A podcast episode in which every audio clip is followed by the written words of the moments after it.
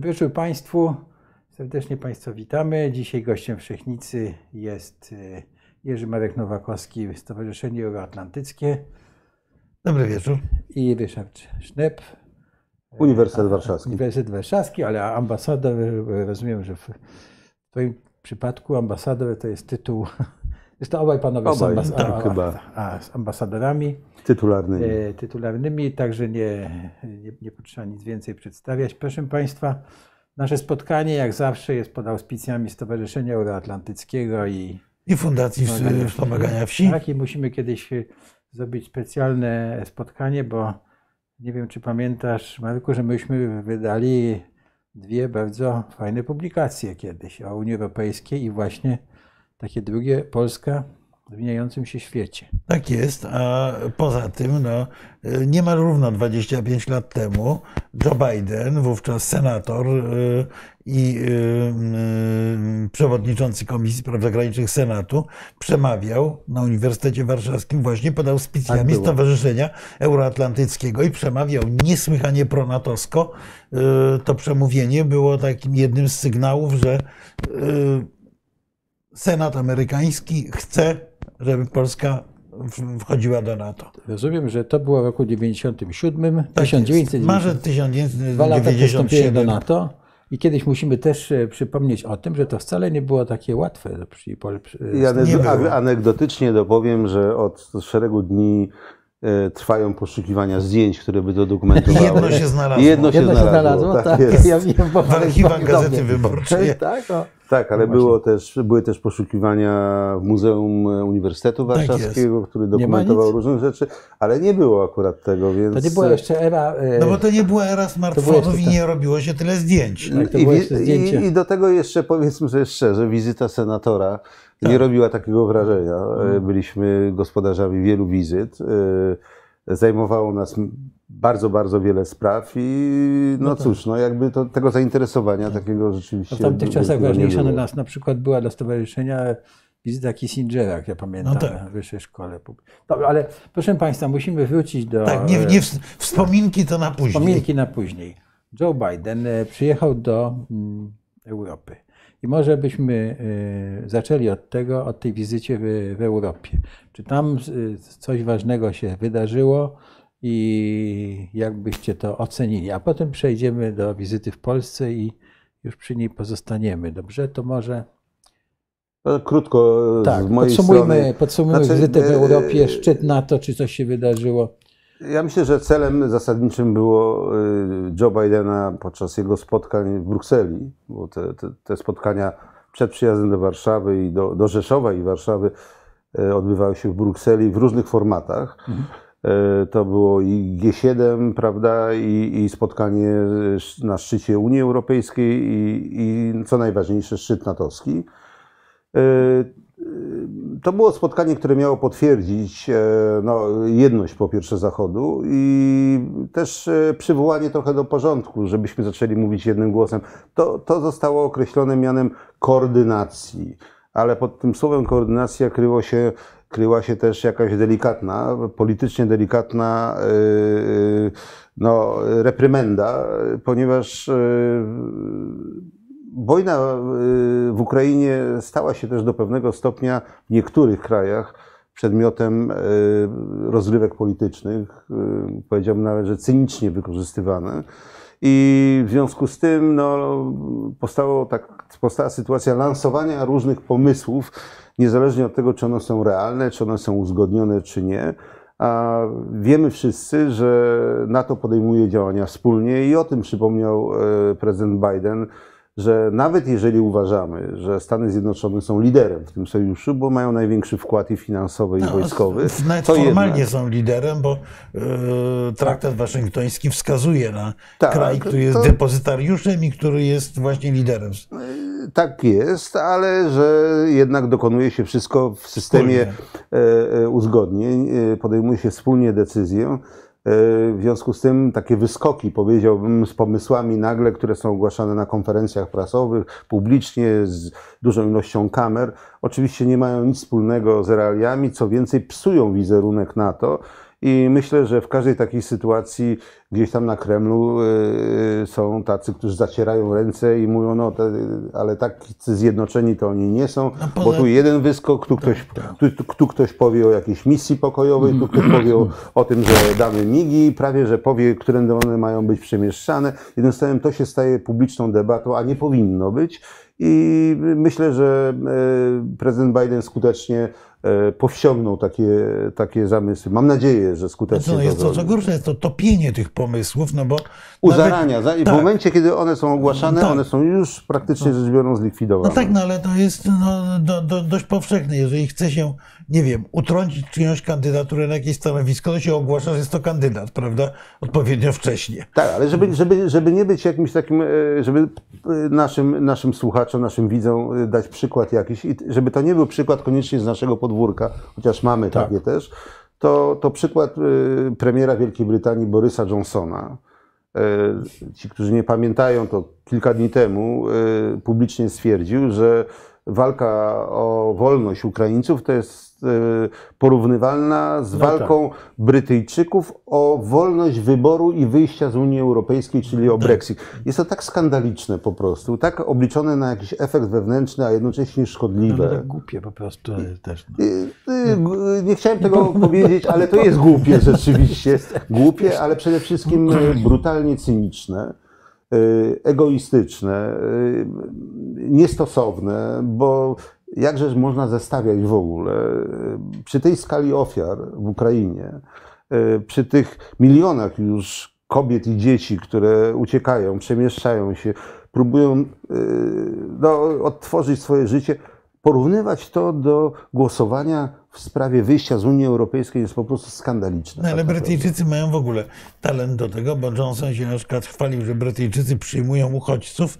Okazało się, że przyjęli, że wydali tysiąc wiz dla uchodźców e, ukraińskich na wobec kilku milionów. No to po prostu kpina w żywe oczy. no tak, ale nie, nie znęcajmy się już nad y, Johnsonem, jest jaki jest. Nie, nie, no ale to Ale jest właśnie tak, kwestia jest- tego tak, równego znaczy frontu. tego, co mówisz, I, tak. i dałem, podałem ten przykład dlatego, żeby, żeby tak nie z własnego podwórka, żeby ktoś mnie nie posądził od razu Jasne. o złośliwość. Jeszcze będzie czas na złośliwość, Tak, także, się także tak. to później. Jeszcze dostarczano nam dużo Czy chcemy, czy E, nie chcemy. chcemy. Tak.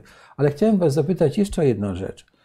E, Jak silnym prezydentem jest Joe Biden dzisiaj? Mówię, e, jak e, duże ma poparcie? Czy wojna, agresja Rosji na Ukrainę, czy zmieniła Am- Amerykanów? Czy to poparcie dla Bidena wzrosło w Stanach, czy przynajmniej w tym Tak, aspekcie? je- czy... je- jeżeli No to pozwolisz, to znaczy ja śledzę Bo to jest, badania. wydaje mi się, niezwykle ważne. Jak, jak, Jest taki bardzo dobry, znany zresztą ośrodek, e, który się nazywa Pew No, tak. Research e, Center, który robi na dużej, dużej skali badania. To są badania na podstawie danych z 30 tysięcy i więcej osób, odpowiedzi. I to wynika z tego, że po pierwsze e, jest e, wspólna postawa i, republikanów, i demokratów, jeśli chodzi o, o poparcie, takie ogólne poparcie dla, dla Ukraińców. mam takie wrażenie, że republikanie chcą jeszcze więcej niż Biden by, niż Biden by. A właśnie, że nie. No to jest dobra, ciekawe, no bo jeśli chodzi o, o skalę zaangażowania, Mhm. to demokraci są bardziej radykalni, w sensie Mhm. chcą więcej i e, w większym stopniu są gotowi nawet na no, e, militarne jakieś rozwiązania, gdyby przyszło co do czego. Republikanie zresztą tradycyjnie są bardziej izolacjonistyczni. e, Uważają, że to nie jest tak do końca ich sprawa, że Europę generalnie należy odpychać niż przyciągać. Tutaj Europejczycy powinni stawiać na, na demokratów zdecydowanie. I taka jest ich tradycja. Zresztą, y, jako może ciekawostka, ale pewnie Państwo też wiedzą o tym, że zarówno Biden, jak i sekretarz stanu y, y, Tony Blinken, y, obaj mają dosyć silne korzenie europejskie. To nie są ludzie, e, którzy należą do grona celebrytów e, z, z Florydy albo z Hollywood, tylko to są ludzie, którzy spędzili dużo czasu. Ulubionym miejscem pobytu e, na przykład Bidena są Włochy. E, Podczas jego wizyty w Rzymie była o tym mowa i jego małżonka też mówiła o tym, że, że tu są ich korzenie. E, Ona zresztą zna chyba włoski nawet. E, Blinken się wychował w Paryżu, we Francji, e, chodził do francuskiej szkoły, mówi perfekt, płynnie po francusku. Z natury są bardzo europejscy. To jest, to, to jest zupełnie inne myślenie. Ale wracając jeszcze tylko króciutko o, o tych sondażach, to pokazuje, że, że generalnie Amerykanie są zgodni, natomiast te oceny prawdopodobnie, jeszcze tych badań nie było, ale w wyniku dosyć mocnej postawy y, prezydenta Bidena y, jego notowania będą rosły. Aczkolwiek polityka zagraniczna nie jest tym, co decyduje o popularności w Stanach Zjednoczonych, tylko polityka wewnętrzna, podatki, e, stan bezrobocia i tak dalej, i tak dalej. E, Myślę, że dzisiaj e, prezydent Biden jest mocniejszy e, w międzynarodowym otoczeniu niż we własnym kraju. Aczkolwiek y, ja mam takie wrażenie, przeglądając amerykańską prasę i nie czytając regularnie, że y, ta jego aktywność w sprawie ukraińskiej sprawia, że trochę y, ten y, wizerunek tego śpiącego Joe, który republikanie dość długo aplikowali amerykańskiej opinii publicznej, y, no, zo- został zatarty. No jednak trudno, trudno ukryć, że Biden jest przywódcą wolnego świata i potrafi to przywództwo dźwigać. Zresztą to, to, jest, y, to, jest w ogóle ciekawe, no bo ja, ja pamiętam, ja się z nim spotykałem y, w czasach, jak współpracowaliśmy w rządzie, w rządzie premiera Buzka. Dwa razy byłem y, przecież wtedy przyjm- przyjmowany przez przewodniczącego Komisji Spraw Zagranicznych Senatu. Ja zawsze miałem wrażenie, że to jest polityk taki niesłychanie stonowany, niesłychanie ważący rację, ważący y, y, to, to, co mówi, a jednocześnie mający bardzo jasny pogląd na to, jak powinno być. Bo on był jednym z głównych adwokatów polskiego członkostwa w NATO, czy w ogóle rozszerzenia NATO. E, Natomiast opakowywał to w sposób niebywale elegancki, spokojny. On się w gruncie rzeczy nie zmienił. Znaczy, ja powiem, ja powiem inaczej, że w sytuacji wojennej to, że na czele supermocarstwa stoi facet, który ma 50 lat doświadczenia w polityce na najwyższym szczeblu światowym y, i że y, jest to człowiek, który zawsze był właśnie takim politykiem, który niesłychanie ważył rację i pamiętał o zasadach, to jest, y, to jest ogromna wartość, bo ryzykant, który by przewodził Stanom Zjednoczonym, mógłby pójść za daleko, albo odwrotnie, mógłby się za bardzo wycofać. Natomiast No, nawet, ten, nawet człowiek w dosyć zbliżonym wieku, jak Donald Trump, tak, kiedy spotkał się z Władimirem Putinem podczas konferencji prasowej, to powiedział, że mu rozmów, wierzy bardziej z e, FBI. To, to też, ale, ale wizerunkowo, to znaczy to było widać i to było żenujące widowisko, że e, został zdominowany natychmiast przez bardziej doświadczonego polityka rosyjskiego, przez Rosyjskiego, Putina. jasne. Y, I to pokazywało, y, jak Donald Trump, biznesmen, y, zresztą nieszczególnie z sukcesami, po prostu nie miał wystarczająco dużo doświadczenia, żeby przeciwstawić się komuś, kto jest dobrze wyszkolony, ma całkiem niezły PR i potrafi tak pokierować rozmową, żeby być y, y, osobis- osobowością dominującą. I, i, i pro domo suo troszeczkę, y, y, bo ja się w pełni zgadzam tutaj z Markiem, że Joe Biden pokazuje jedną rzecz, która u nas w Polsce nie jest ceniona, to znaczy doświadczenie. Tak. E, siwe włosy w Stanach Zjednoczonych to nie tylko prezydenci, ale to także. Na przykład prezenterzy telewizyjni, Prezenterzy telewizyjni. w wiadomościach y, są to zwykle panowie mocno posiwiali. No tak, no tutaj y, nie, nie dalej jak, jak, jak wczoraj y, miałem okazję widzieć się ze swoim znajomym Wolfem Blitzerem, który jest gwiazdą telewizji CNN. To wspaniałe. E, Wspaniały, który prowadzi taką, e, taki program Situation Room, który jest niezwykle popularny w Ameryce i w świecie w ogóle. I, I to jest człowiek e, już nie taki młody, e, właśnie, e, e, ale którego doświadczenie sprawia, że e, ludzie, Amerykanie mają zaufanie do niego. Y, że to, co mówi, to nie jest koniunkturalne, bo właśnie chce zacząć jakąś karierę, chce zrobić Tak, jakiś skok, tylko no, że on już to już ma. on to już ma, tak, nie on, musi on nie musi po tak, prostu, tak. On, on tylko chce y, y, pokazać rzeczy, jakimi są. Prezydent Biden pokazuje, że jego doświadczenie, te, te- te 50 lat w Senacie właśnie, ale nie tylko, jego niezbyt udane starty w, w kampaniach wyborczych przecież No, poprzednich. ale 8 lat wiceprezydentury. 8 lat wiceprezydentury I to, I oczywiście. to była wyraźnie wiceprezydentura nakierowana na sprawy zagraniczne. To On był tak, Obama go on, tutaj tak, delegował. tak, delegował to do tego. I to jest jakaś suma doświadczeń po prostu, która procentuje w momencie, kiedy tak naprawdę, i- i do tego pewnie przejdziemy za moment, ważą się losy świata przecież. Tak. Tak. Znaczy, Tak, znaczy ważne poza jest- tym, e, Pamię- jak mówimy o tych szczytach, bo tu padło ważne pytanie o ten Kaukaz, ja za moment pewnie do tego wrócimy, Dobrze. natomiast, e, natomiast e, mówiąc o tych trzech szczytach, otóż Joe Biden, mam wrażenie, że zajmował się podwyższaniem najmniejszego wspólnego mianownika. O, ja bym to tak określił, bo, no bo żeby działać wspólnie, NATO, czy G7, czy e, Stany Zjednoczone plus Europa, muszą znaleźć ten wspólny mianownik najniż, najmniejszy. Sankcyjny, odpowiedzi e, wojskowej na agresję rosyjską i wyraźnie Biden w tych wszystkich trzech spotkaniach starał się podwyższać, żeby ten wspólny mianownik był nieco większy, nieco mocniejszy. A ja do tego dodam jeszcze też jako ciekawostkę, że jest to człowiek, a miałem okazję gościć go u siebie w domu w Waszyngtonie, kiedy tam pracowałem, e, który ma niezwykłe poczucie humoru, jest piekielnie inteligentny. A po, po, po poczuciu humoru e, można się zorientować, z kim mamy do czynienia, więc to jest człowiek e, niezwykle bystry, który, który po prostu iskrzy dowcipem, ma wybitny talent do utrzymywania kontaktu z ludźmi. To znaczy, jak e, muszę powiedzieć, że miałem z tym problem, bo musieliśmy przejść przez całą salę, żeby dojść do podium, gdzie była, była mównica.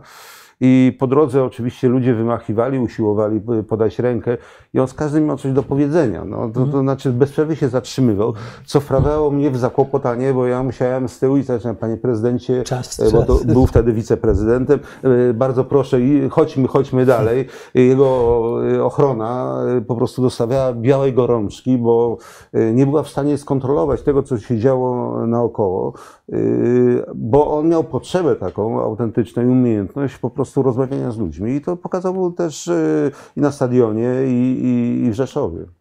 Tak. Słuchajcie, zanim jeszcze e, pytania i przejdziemy do, części polskiej wizyty. Czyli co? To, to było, mówisz, sprowadzanie, te trzy spotkania No tak, no poszukiwanie tak. tego wspólnego mianownika. E, Ten wspólny mianownik nie jest zachwycający, to od razu powiem. Szczególnie szczyt unijny mnie trochę zawiódł, bo wyraźnie tutaj e, w Unii powstała grupa krajów, które nie mają wielkiej ochoty pogłębiania sankcji wobec Rosji. Bo Amerykanie bardzo inteligentnie prowadzą tę politykę sankcyjną, cały czas podwyższając próg kary. Bo no, bardzo łatwo jest prowadzić sankcje i powiedzieć, OK, mamy sankcje z głowy, nie I zajmujemy się nic tym nie dalej. ma, wszystko, wy, wszystko wyłączamy. Tak, tymczasem tutaj w każdym kolejnym kroku jest takie lekkie, mocnie, lekko mocniejsze uderzenie i widać wyraźnie, że w Unii Europejskiej powstał klub, który nie ma ochoty na taki model, raczej miałby ochotę na model odwrotny, czyli łagodzenia sankcji możliwie najszybszego. Natomiast w wypadku szczytu natowskiego to też pewnie do tego będziemy jeszcze wracać. Ja mam nadzieję, że to, co tam naprawdę się działo, to my nie wiemy. Bo y, realną rzeczą jest to, że Ukrainie trzeba militarnie pomóc. Więc no, y, Ale to jest na, to, to jest, po, to jest było na stole. Tak. powiedziane, że y, natomiast na szczęście nie, y, publicznie nie mówi się o szczegółach tego i, i dobrze, Mhm. bo, no bo, no bo po co? No to te, te szczegóły powinny być wiadome wtedy, jak ta broń będzie użyta. E, No i myślę, że w Warszawie e, ministrowie Więc spraw bardzo- zagranicznych i obrony Więc ja też myślę, sporo że to się było dowiedzieli. najważniejsze No spotkanie To- w tak, Warszawie. to- Tak. ale sporo to się dowiedzieli. jeszcze, dobrze? Także, także sądzę, że szczyt natowski był właśnie poświęcony realnej pomocy y, i szczyt natowski zrobił jeszcze jedną rzecz. Bardzo ładnie to widać na mapie. Szczyt natowski postanowił o stworzeniu grup bojowych y, w czterech krajach, które y, tej flanki wschodniej, w których nie było międzynarodowych grup bojowych, czyli Bułgarii, Rumunii, Słowacji i na Węgrzech. E, To tworzy pełen taki półksiężyc kordonu chroniącego całą flankę NATO. To nie jest dużo. To jest za mało w sensie wojskowym. E, Ja wielokrotnie to powtarzałem. Natomiast no, to jest pewien krok do zbudowania pełnej e, infrastruktury obrony natowskiej na całym froncie No wschodnim. tak, ale by, by bronienie Orbana przed Putinem y, brzmi trochę Znaczy, no, no, ja e, muszę mało powiedzieć, wiarygodnie. Wiesz, wiesz, ja mam takie wrażenie, że w wypadku Węgier i Bułgarii zresztą, to, to te grupy bojowe mają bardziej pilnować y, Orbana właśnie, no i, właśnie. i rządu bułgarskiego niż granicy tych krajów. Chociażby przed tymi zapędami nacjonalistycznymi Tak, w stosunku do ale- niektórych terenów No tak. ukraińskich, które były wyrażane wielokrotnie. tak. Wielokrotnie, Oczywiście tak. trochę przerysowujemy to, bo, Nie, no, bo ale- NATO musi mieć flankę jak gdyby zbudowaną w całości. Niemniej jednak, no pewnie znowu musimy to powiedzieć, że, że, że wrócimy do tego tematu, ale po prostu temat Węgier się cały czas będzie Tak, przewijał. ale na Wrócimy. mapie Mam- widać w tym momencie taką rzeczywiście taki kordon sanitarny, który został dość konsekwentnie zbudowany od e, Tallina aż po, aż po Sofię. Marku, czy chciałbyś przez to powiedzieć, że Zachód nie jest tak jednolity, jeśli chodzi o, o sankcje? No bo pojawił się taki nowy termin sankcjonistas, e, e, prawda, że ktoś tam no użył, nie, no że, że tutaj jest taki podział sankcjonistas i Nie, no tutaj wyraźnie wyciekło ze szczytu unijnego, że przynajmniej trzy kraje, czyli Węgry, Niemcy i Austria, były sceptyczne wobec y, wprowadzenia sankcji w dziedzinie zakupu węglowodorów y, z Rosji. Można to rozumieć, natomiast, y, natomiast y, ten sceptycyzm wydaje się być y, no, nieco za duży, zwłaszcza, że sceptycyzm węgierski jest zupełnie na, na czym innym zbudowany niż sceptycyzm niemiecki. Znaczy Czy- każdy jest inny No tak, trochę. tak, każdy jest trochę inny. Znaczy, Austriacy rzeczywiście wyspecjalizowali się od lat w, brzydko mówiąc, kręceniu lodów z Rosjanami. To i banki austriackie, i austriackie firmy naftowe i tak dalej.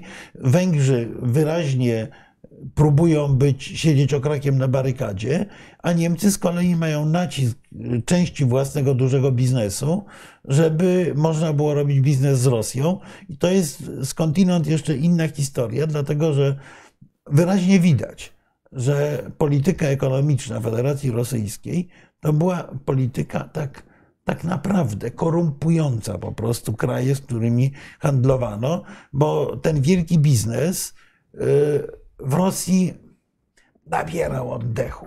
Tam można było robić różne takie dziwne rzeczy, które niekoniecznie można robić w realiach europejskich, bo jednym z naszych osiągnięć jest to, że jednak właśnie takie działania korupcyjne bądź okołokorupcyjne są bardzo trudne. W Rosji jest to dużo No, ta łatwiejsze. szara strefa taka. prawda? Więc y, ten wielki biznes niemiecki y, no, bardzo się martwi, że, że nie może działać w Rosji. Y, Zresztą martwi się również francuski, który, który cały czas się y, nie do końca wycofa. No dobrze, ale jak już tak e, zupełnie szczerze mówimy, Ale rząd no to, Francji z kolei to- wchodzi w całą politykę sankcyjną. to mamy jeszcze jedną inną postawę. To jest taką, że mówi się, że sankcje do końca, ale samemu chętnie kupuje się węgiel albo ropę No tak. naftową. No, nie tylko e, I- Przede wszystkim ropę. Pamiętajmy, że Ropa, Rosjanie, bo my cały czas mówimy o gazie. Pamiętajmy, że Rosjanie główne pieniądze zarabiają na ropie naftowej. No I kto jest największym no, klientem? właśnie. Firma Orlen. Firma Orlen kupuje tyle, co całe Niemcy. Y, Więc y, też. I no, chyba drugim klientem, jeśli chodzi o węgiel, jesteśmy. No, ale węgiel to, to, to jest rozparcelowane głównie. Znaczy, węgiel kupujemy głównie dlatego, że polski jest droższy i gorszy od rosyjskiego. No ja rozumiem, Kupują ale, prywatni odbiorcy. ale, ale sankcje są tak skonstruowane, Tak. że nawet że za nie się płaci. Tak. Wszyscy wiemy bardzo dobrze, że my wszyscy, społeczeństwa, generalnie krajów, które sankcje stosują, będą musiały zapłacić. To my zapłacimy. Tak. E, Ja już rachunek za gaz zapłaciłem, więc wiem już mniej więcej ile przynajmniej no, na razie. I, i, Wystarczy podjechać na stację benzynową. no więc właśnie, no więc, no więc y, to są, tak, są działania, są ci, na których się, których się pokazuje palcami, ale są jeszcze tacy, którzy tworzą działania pozorowane, czyli Tak. wiedzą, że, że na razie te sankcje w niektórych sektorach nie wejdą, więc mogą bardzo głośno mówić, ależ my jesteśmy za całkowitym e, w, e, zamknięciem sankcyjnym gospodarki rosyjskiej. No tak, tak, Słuchajcie, ja mówię, ja się, ja się zdziwiłem, bo e, te zakupy ropy są podawane najczęściej według krajów. Jasne. Otóż przypominam, że PKN Orlen jest właścicielem rafinerii na Litwie i w Republice Czeskiej. I jak się sumuje te zakupy, to jest to naprawdę największy klient Federacji Rosyjskiej. Dobrze, słuchajcie, a coś powiemy o tej polskiej inicjatywie na, na szczycie? Czy pominiemy Której nie było? Nie, tej inicjatywie misji pokojowej. Ja mówię. No ale i ja zrozumiałem, wysłuchałem bardzo uważnie e, rozmowy, e, wywiadu, którego udzielił przedstawiciel e, Polski przy kwaterze głównej NATO, ambasador Szatkowski. Był pytany kilkakrotnie, bo wyraźnie nie znajdował odpowiedzi o to, czy ta inicjatywa była przedłożona tak. i mówił, że Polska jest aktywna na to, ale y, dziennikarz usilnie dopytywał się, no, czy, czy, czy zgłosiliśmy ją, czy namawialiśmy innych do tego, żeby się do tej inicjatywy przyłączyli wszystko lub poparli. I y, na to odpowiedzi nie było, była cisza. Na co dziennikarz odpowiedział, no y, rozumiem, że nic nie było. To znaczy, że prezydent, który nas tam reprezentował, e, uznał, że, że to jest chybione, że to nie istnieje po prostu. A nie istnieje, nie wiem, No czy, no, czy to jest czas na to, żeby rozmawiać. Dlaczego nie? Bo y, misja pokojowa sama w sobie zawiera e, Jasne. definicję tego, wydaje, kiedy ona może być stosowana. Mi się oczywiście. wydaje, i z że myśmy to już mówili tutaj i Tak. nasi Tak, tak, no, no, e, widzowie no, to, to, to jest... doskonale wiedzą. To zanim przejdziemy w takim razie do... do Ja tutaj jeszcze chciałem, u- właśnie, uciekło Waj- już nam pytanie o Kaukaz, bo Krzysiu, rzeczywiście, bo rzeczywiście e, e, to, to, to, padło, to, to padło ważne pytanie, nie, nie tylko w kwestii Kaukazu. Rzeczywiście redaktor Jurasz napisał, że myśmy powinni w rewanżu podpalić po- północny Kaukaz, czyli wspierać te różne działania odśrodkowe w Dagestanie, Inguszetii, Czeczenii i tak dalej.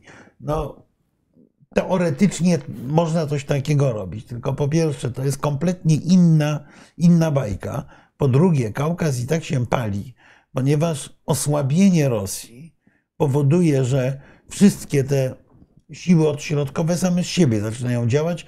Tu przykładem znakomitym jest to, że Azerbejdżan e, zaczął łamać porozumienie pokojowe w Górskim Karabachu i wchodzić na tereny, zbrojnie na tereny, za które odpowiedzialność ponoszą tak zwani mirotworcy rosyjscy.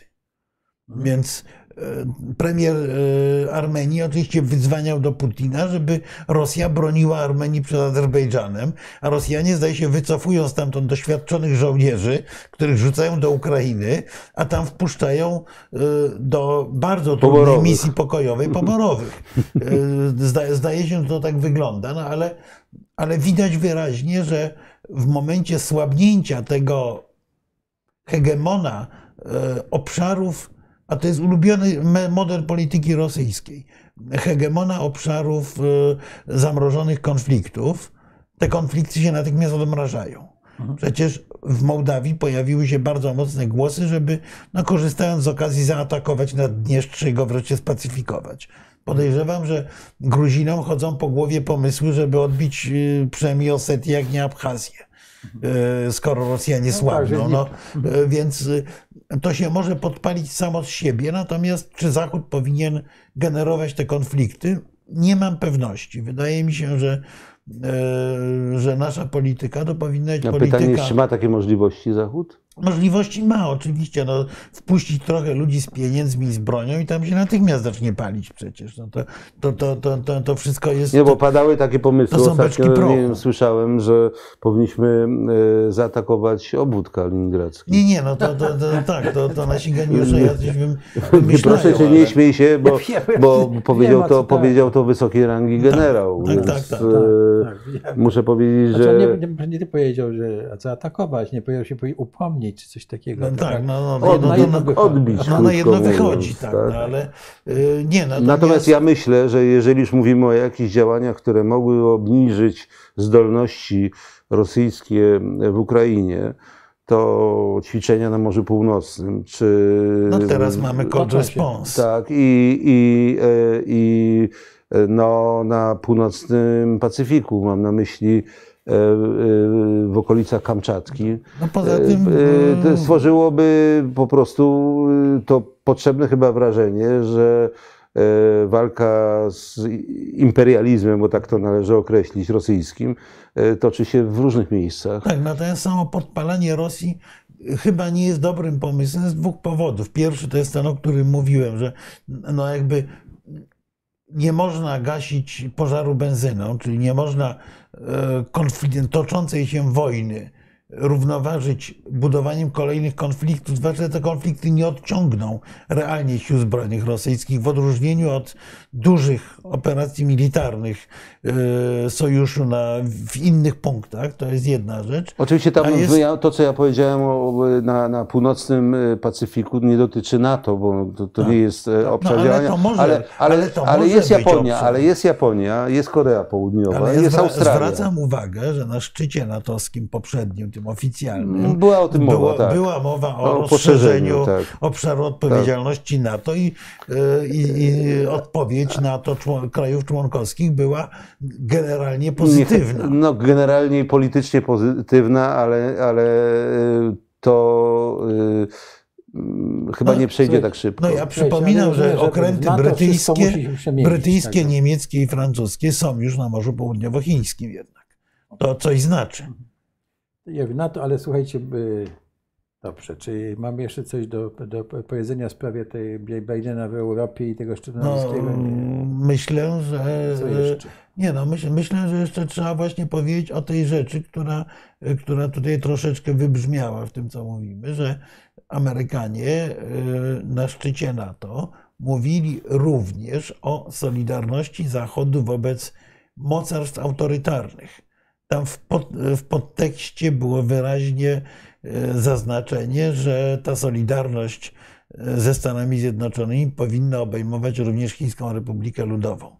Czasami o tym zapominamy, ale e, jeżeli mówimy o perspektywie Waszyngtonu, to jednak Chiny są cały czas zagrożeniem większym, czy długofalowo na pewno ważniejszym niż Rosja. Rosję, No tak. Rosję można, i to mm, wybrzmiało na przykład w przemówieniu warszawskim Bidena, udusić, natomiast uduszenie Chin, a to już jest dużo trudniejsze zadanie, natomiast Amerykanie chcą i wyraźnie oczekują od NATO większej solidarności również wobec, e, wobec zagrożenia Ale, chińskiego. tak, ale ja nie, ja nie jestem pewien, czy to chodziło o militarne środki, bo No nie, nie y, y, raczej, raczej gospodarcze. Y, Przed, tuż przed wizytą prezydenta Bidena w Brukseli była cała seria spotkań y, jego głównego doradcy, e, Jake'a Sullivana w Rzymie z odpowiednikiem chińskim. No nawet I- więcej, bo to jest członek biura po- politycznego odpowiedzialny za politykę zagraniczną, czyli wysoki- taki oberminister. Oberminister, dobrze. Yy, Wysoki przedstawiciel w każdym razie. Yy, Prezydent Biden, czy, czy jego, jego rzeczniczka właściwie zapowiedziała, że prezydent amerykański yy, po prostu przedstawi wyniki yy, tych rozmów. Yy, Kwestia, jak można przypuszczać, bo przecież nie jesteśmy wprowadzeni w szczegóły, polega na tym, że Stany Zjednoczone usiłują nakłonić Chiny do przyłączenia się do sankcji wobec Rosji. Tak. W żadnym, od, odrzucają, od, o, można powiedzieć, odradzają i to bardzo mocno y, udzielanie pomocy militarnej przede wszystkim, No to ja powiedział którą się inaczej upomnieli. jeszcze. Ja I, jeszcze inaczej. i, i, i, już, już kończę. I, i, y, ale oczywiście Amerykanie stosują y, politykę marchewki prawda, i Tak. kija, czyli mówią tak, że Chiny mogą stać się elementem stabilnego świata, ponieważ do tej pory nie korzystały z militarnych rozwiązań. Y, Ich próba dominacji w różnych obszarach polega przede wszystkim na ekspansji gospodarczej. że jeżeli dojdziemy do porozumienia co do tego, jak mają się odbywać e, te relacje gospodarcze, to Chiny mogą stać się cywilizowanym członkiem tej wspólnoty, która e, porozumiewa się, handluje ze sobą i tworzy nowy byt. Ale jest też druga możliwość, że Chiny pójdą w inną drogę, inną drogą, że będą chciały, ujrzą szansę swoją w sojuszu z Rosją Putina i wówczas e, Stany Zjednoczone będą potrzebowały wspólnoty europejskiej przede wszystkim do dociskania e, pętli wokół Chin. I o tym, e, jak należy sądzić, była mowa właśnie w Brukseli. Zobaczymy, bo E, Ja myślę, szczyt. ja, ja myślę, że to by jeszcze inaczej wyglądało. Ja myślę, że Chińczycy z Waszyngtonu otrzymali dość czytelną ofertę. Macie wybór, albo się przyłączacie do sankcji wobec Rosji No tak. e, i wtedy jest, zostajecie uznani za element cywilizowanego świata i rozmawiamy dalej. Trudno, ale rozmawiamy. Albo jeżeli nie, nie przyłączacie się, to, się to, to wy będziecie też objęci sankcjami. Bo, bo... Znaczy innego rodzaju sankcjami. no nie, no nie, na pewno nie tej skali, bo- bo- bo- Bo musi być powód jakiś, to znaczy coś musi No, ale, wydarzyć. tak, ale wsparcie militarne Ale agresywnej Rosji to by był No nie, no, są możliwości przy pomocy y, nakładania ceł, różnego rodzaju utrudnień, już w dostępie tej- do technologii Już i w tej chwili podobne. dostęp do technologii jest rzeczywiście wyhamowany. No ale jest to z Ameryki, ale właśnie tak. chodzi o to, że jeżeli żeby, Europa... żeby Zachód solidarnie wystąpił. Ja tak. będę zawsze pamiętał, że kiedyś z Pekinu wracałem samolotem y, akurat koło niemieckiego biznesmena, którego poznałem po krótkiej rozmowie. On mi powiedział, czym się zajmuje, mianowicie zajmuje się obsługą klientów chińskich e, y, przy sprzedaży i obsłudze i serwisie e, bardzo precyzyjnymi sterowanych, sterowanymi cyfrowo e, obrabiarkami. E, Ja zapytałem, ale do czego te obrabiarki służą? A on mówi, że do robienia zegarków, między innymi Rolexów fałszywych, które są później sprzedawane za 15 czy 20 dolarów czy euro w różnych miejscach pokątnie. Jednym słowem, te, No te tak, związki... Tylko, tylko na przykład została już w Niemczech sprowokowana poważna dyskusja na temat tego, czy Niemcom na pewno opłaca się, no opłacają się inwestycje technologiczne w Chinach, ponieważ to prowadzi do, te, do czego? Do tego, że Chińczycy kupują. Znaczy, najpierw Niemcy budują fabrykę, potem Chińczycy wchodzą w joint venture, potem kupują tę technologię, a potem zaczynają ją sprzedawać pod własną flagą, na trzykrotnie taniej. Tak, I że w ten sposób nie, nie, niemieckie firmy, szczególnie produkujące urządzenia przemysłowe, budują same sobie konkurencję. I to już jest debata dość poważna w Niemczech. Zresztą to jest coś, co, czego my nie potrafimy kompletnie zrobić, e, bo, bo tak naprawdę o kierunkach polityki w krajach demokratycznych decyduje opinia publiczna w ogromnym stopniu. I Amerykanie sponsorowali początek tej dyskusji. Amerykańskie fundacje, amerykańscy specjaliści zaczęli tę debatę w Niemczech, która zaczęła toczyć już e, na, na, zasadzie, e, na, na, na, na zasadzie kuli śniegowej. Coraz więcej firm zdaje sobie z tego sprawę, że inwestowanie w Chinach jest na krótką metę opłacalne, na dłuższą będzie prowadziło do e, stworzenia Ale, ale nie wiem, czy wiecie, że to zostało już ogłoszone właściwie i, i to przez wybitnego e, znawcę e, przedmiotu, mianowicie, że właśnie jesteśmy świadkami między innymi końca globalizacji. E, I, i że Mhm. jesteśmy w przededniu regionalizacji, to znaczy, że produkcja, ale też i kwestie bezpieczeństwa będą organizowane w mniejszych jak gdyby obszarach, gdzie jest inny rodzaj związków, interesów Także i tak jakieś dalej. zasady inne i tak dalej. znaczy, no, Skrócenie łańcuchów, tak zwanych Tak. dostaw, to, bo to jest z tym też No, związane. To, to, to było związane, z pan- to z zaczęło się od pandemii, Tak. a wojna to gwałtownie wzmocniła. Mhm. E, Słuchajcie, yy, yy, zaraz wrócimy do tych Tak, komentarzy. to Biden w mnóstwo, Polsce. mnóstwo Biden w komentarzy. Polsce, bo zgubimy Bidena w Tak. Polsce w końcu. Choć Dobra, to no, trudno jest, żeby zgubić. Trudno jest bardzo, bo jeszcze parę dni będziemy O tym rozmawiać. Tak, będziemy o tym rozmawiać, szczęście będzie o tym rozmawiać, ale no, jaki był y, główny... Nie, zacznijmy od tego tutaj y, takiego y, komentarza, czy to był duży takie pas, że prezydent Duda się nie pojawił na tym na tym spotkaniu, e, się spóźnił i tak dalej. Znaczy, No nie- pojawił się, to Joe spóźnił Biden się. go To witał w Rzeszowie. bez, no. bez znaczenia to było, proszę Państwa, tak, dla przebiegu. Znaczy, Znaczy, no, znaczy no, teoretycznie to są techniczne. Tak, e, to kiedyś, się- się, kiedyś się zajmowałem, e, e, mój, mój kolega Ma- Marek e, świetnie to pamięta, Protokołem, o, protokołem organizacją wizyt premiera Buzka. I oczywiście. e, Zawsze się kwe- zdarzają. e, Nie zawsze się tak, ale zdarzają. Znaczy, często. moim zadaniem było, żeby się nie, zdarzało. zdarzało, ja wiem. Aczkolwiek Natomiast się zdarzało. Ja pamiętam, kiedyś lecieliśmy do Wilna e, i e, nie mógł wystartować z powrotem samolot. Nie, nie, przepraszam cię, najpierw, było. nie, najpierw nie mógł wystartować jeden samolot w Warszawie, wobec tego wsiedliśmy do drugiego samolotu, Tak. którym polecieliśmy do Wilna. Ten samolot w Wilnie się też zepsuł i wracaliśmy trzecim, który był przeznaczony dla dziennikarzy. I trzeba a to dziennikarze jaki to był samolot? To były, Jak? to były Jaki 40. 40, którymi się wchodziło od tyłu, były po prostu takimi samolotami, y, które miały gigantyczne jakieś przebiegi, ko koszmarnie hałaśliwe i, i, i niekomfortowe. E, Ale- już nie mówię o ale- innych rzeczach, już, Ale, ale, były dość bezpieczne. No, e, były w stanie dwa- lądować bez silników, co im się kilkakrotnie zdarzało. E, Świętej pamięci profesor Geremek lądował w kartoflisku. e, e, Marszałek Stelmachowski lądował na pustyni I nie i nikomu pani, nic się nie pani, stało. marsza, Pani pani marszałek- lądowała Nie, na pustyni i, wysyłano, chyba, i wysłano po nią Tak. inny samolot. To też, to były dwa. A, a wtedy w Litwie w, z Wilna nie mogliśmy z powrotem rzeczywiście wystartować, bo temperatura spadła i samolot był Oblodzony, oblodzony i trzeba było zabrać No, samolot no, w dziennikarzom. każdym- tak, w każdym razie na jednej, U- o, na, na jednej, na jednej doprowadziło, wyprawie. do, doprowadziło do tego, że dziennikarze pisali złe recenzje o wizycie. No, No, no, wściekli byli. Nie, ale w jednej wyprawie były dwie awarie samolotu, więc no, ale.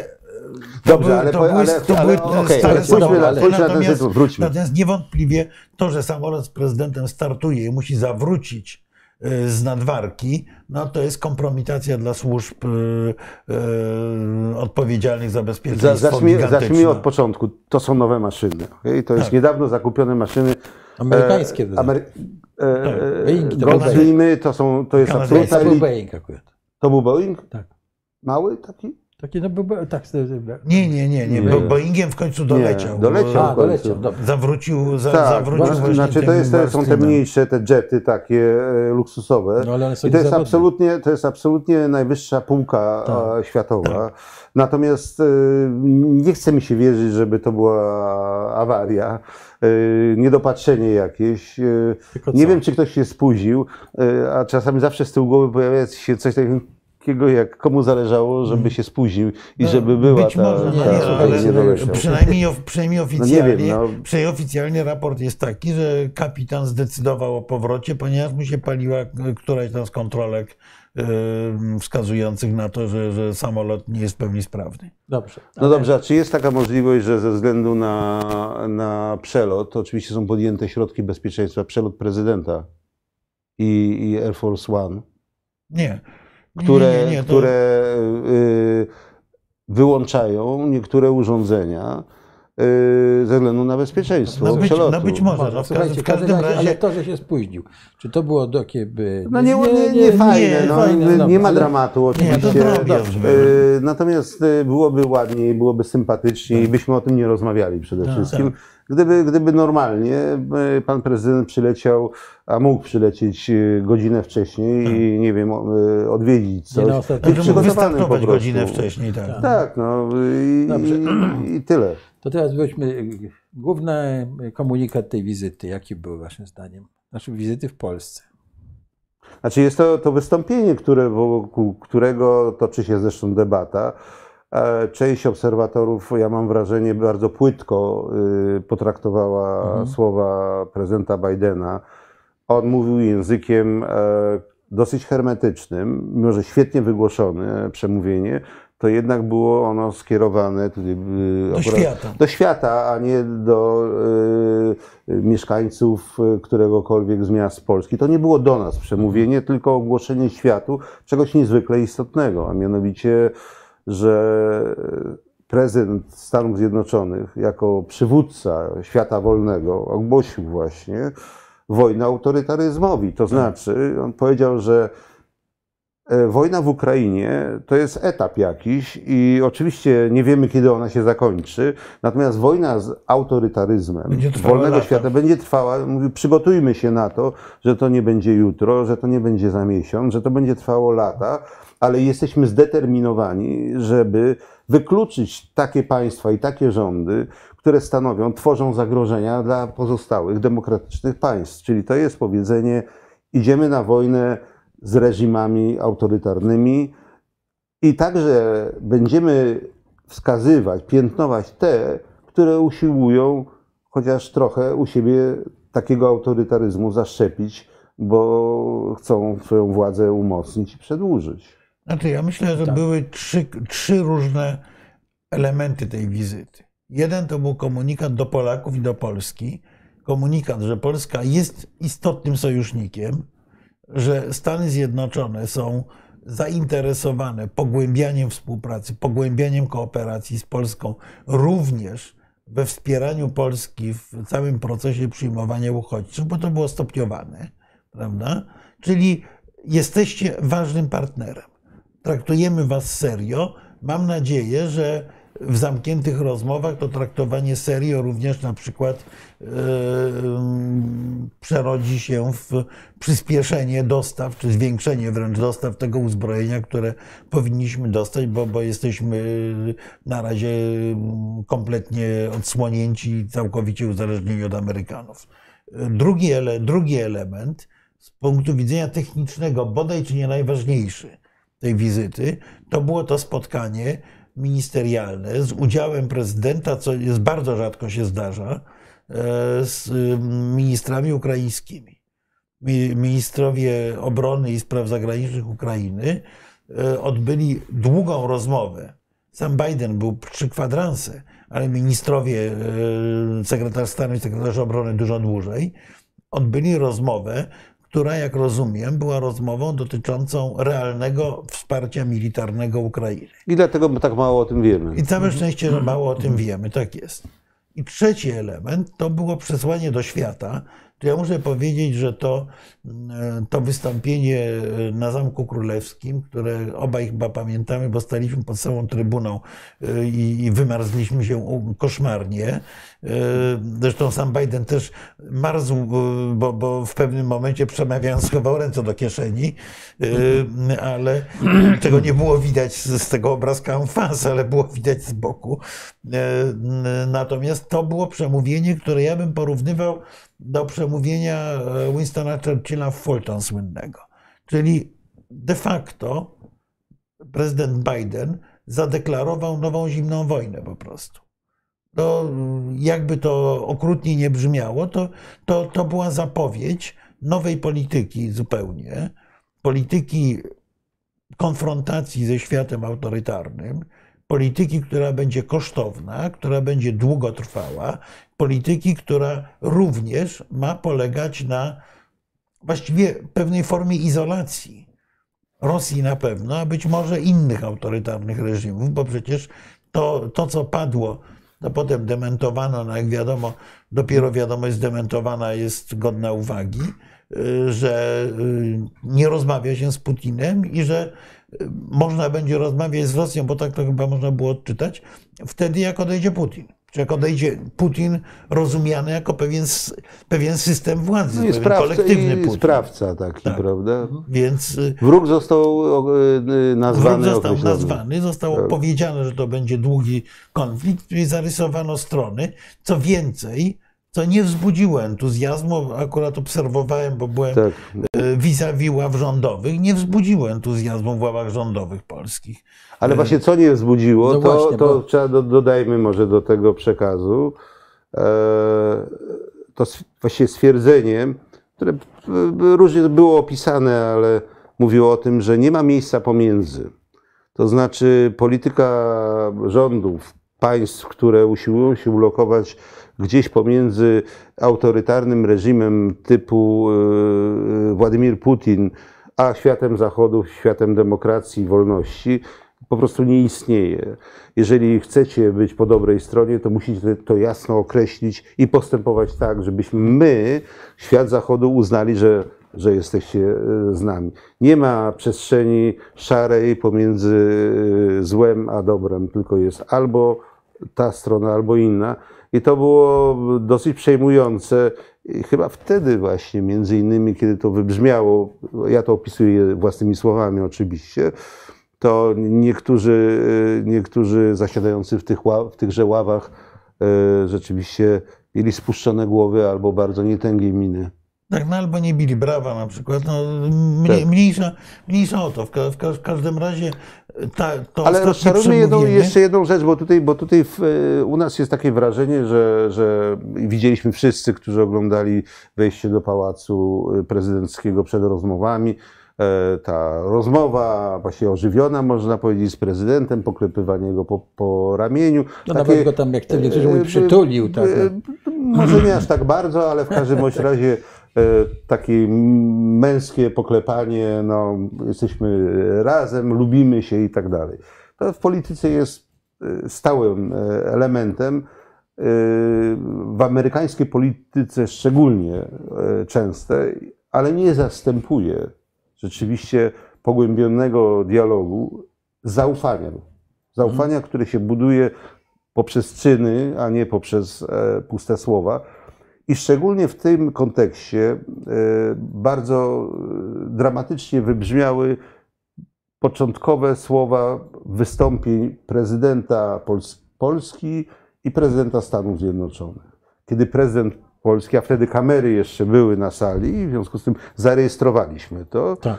e, powiedział o tym między innymi, że oczywiście jesteśmy ważnym sojusznikiem. Podziękował prezydentowi Bidenowi za to, że, że tyle robi i dla Polski, i dla bezpieczeństwa, ale dodał do tego, że, że te stosunki polsko-amerykańskie są takie świetne i że jakby potwierdzeniem tego jest, jak miło przyjęto pierwszą damę podczas jej wizyty w, w Nowym Jorku.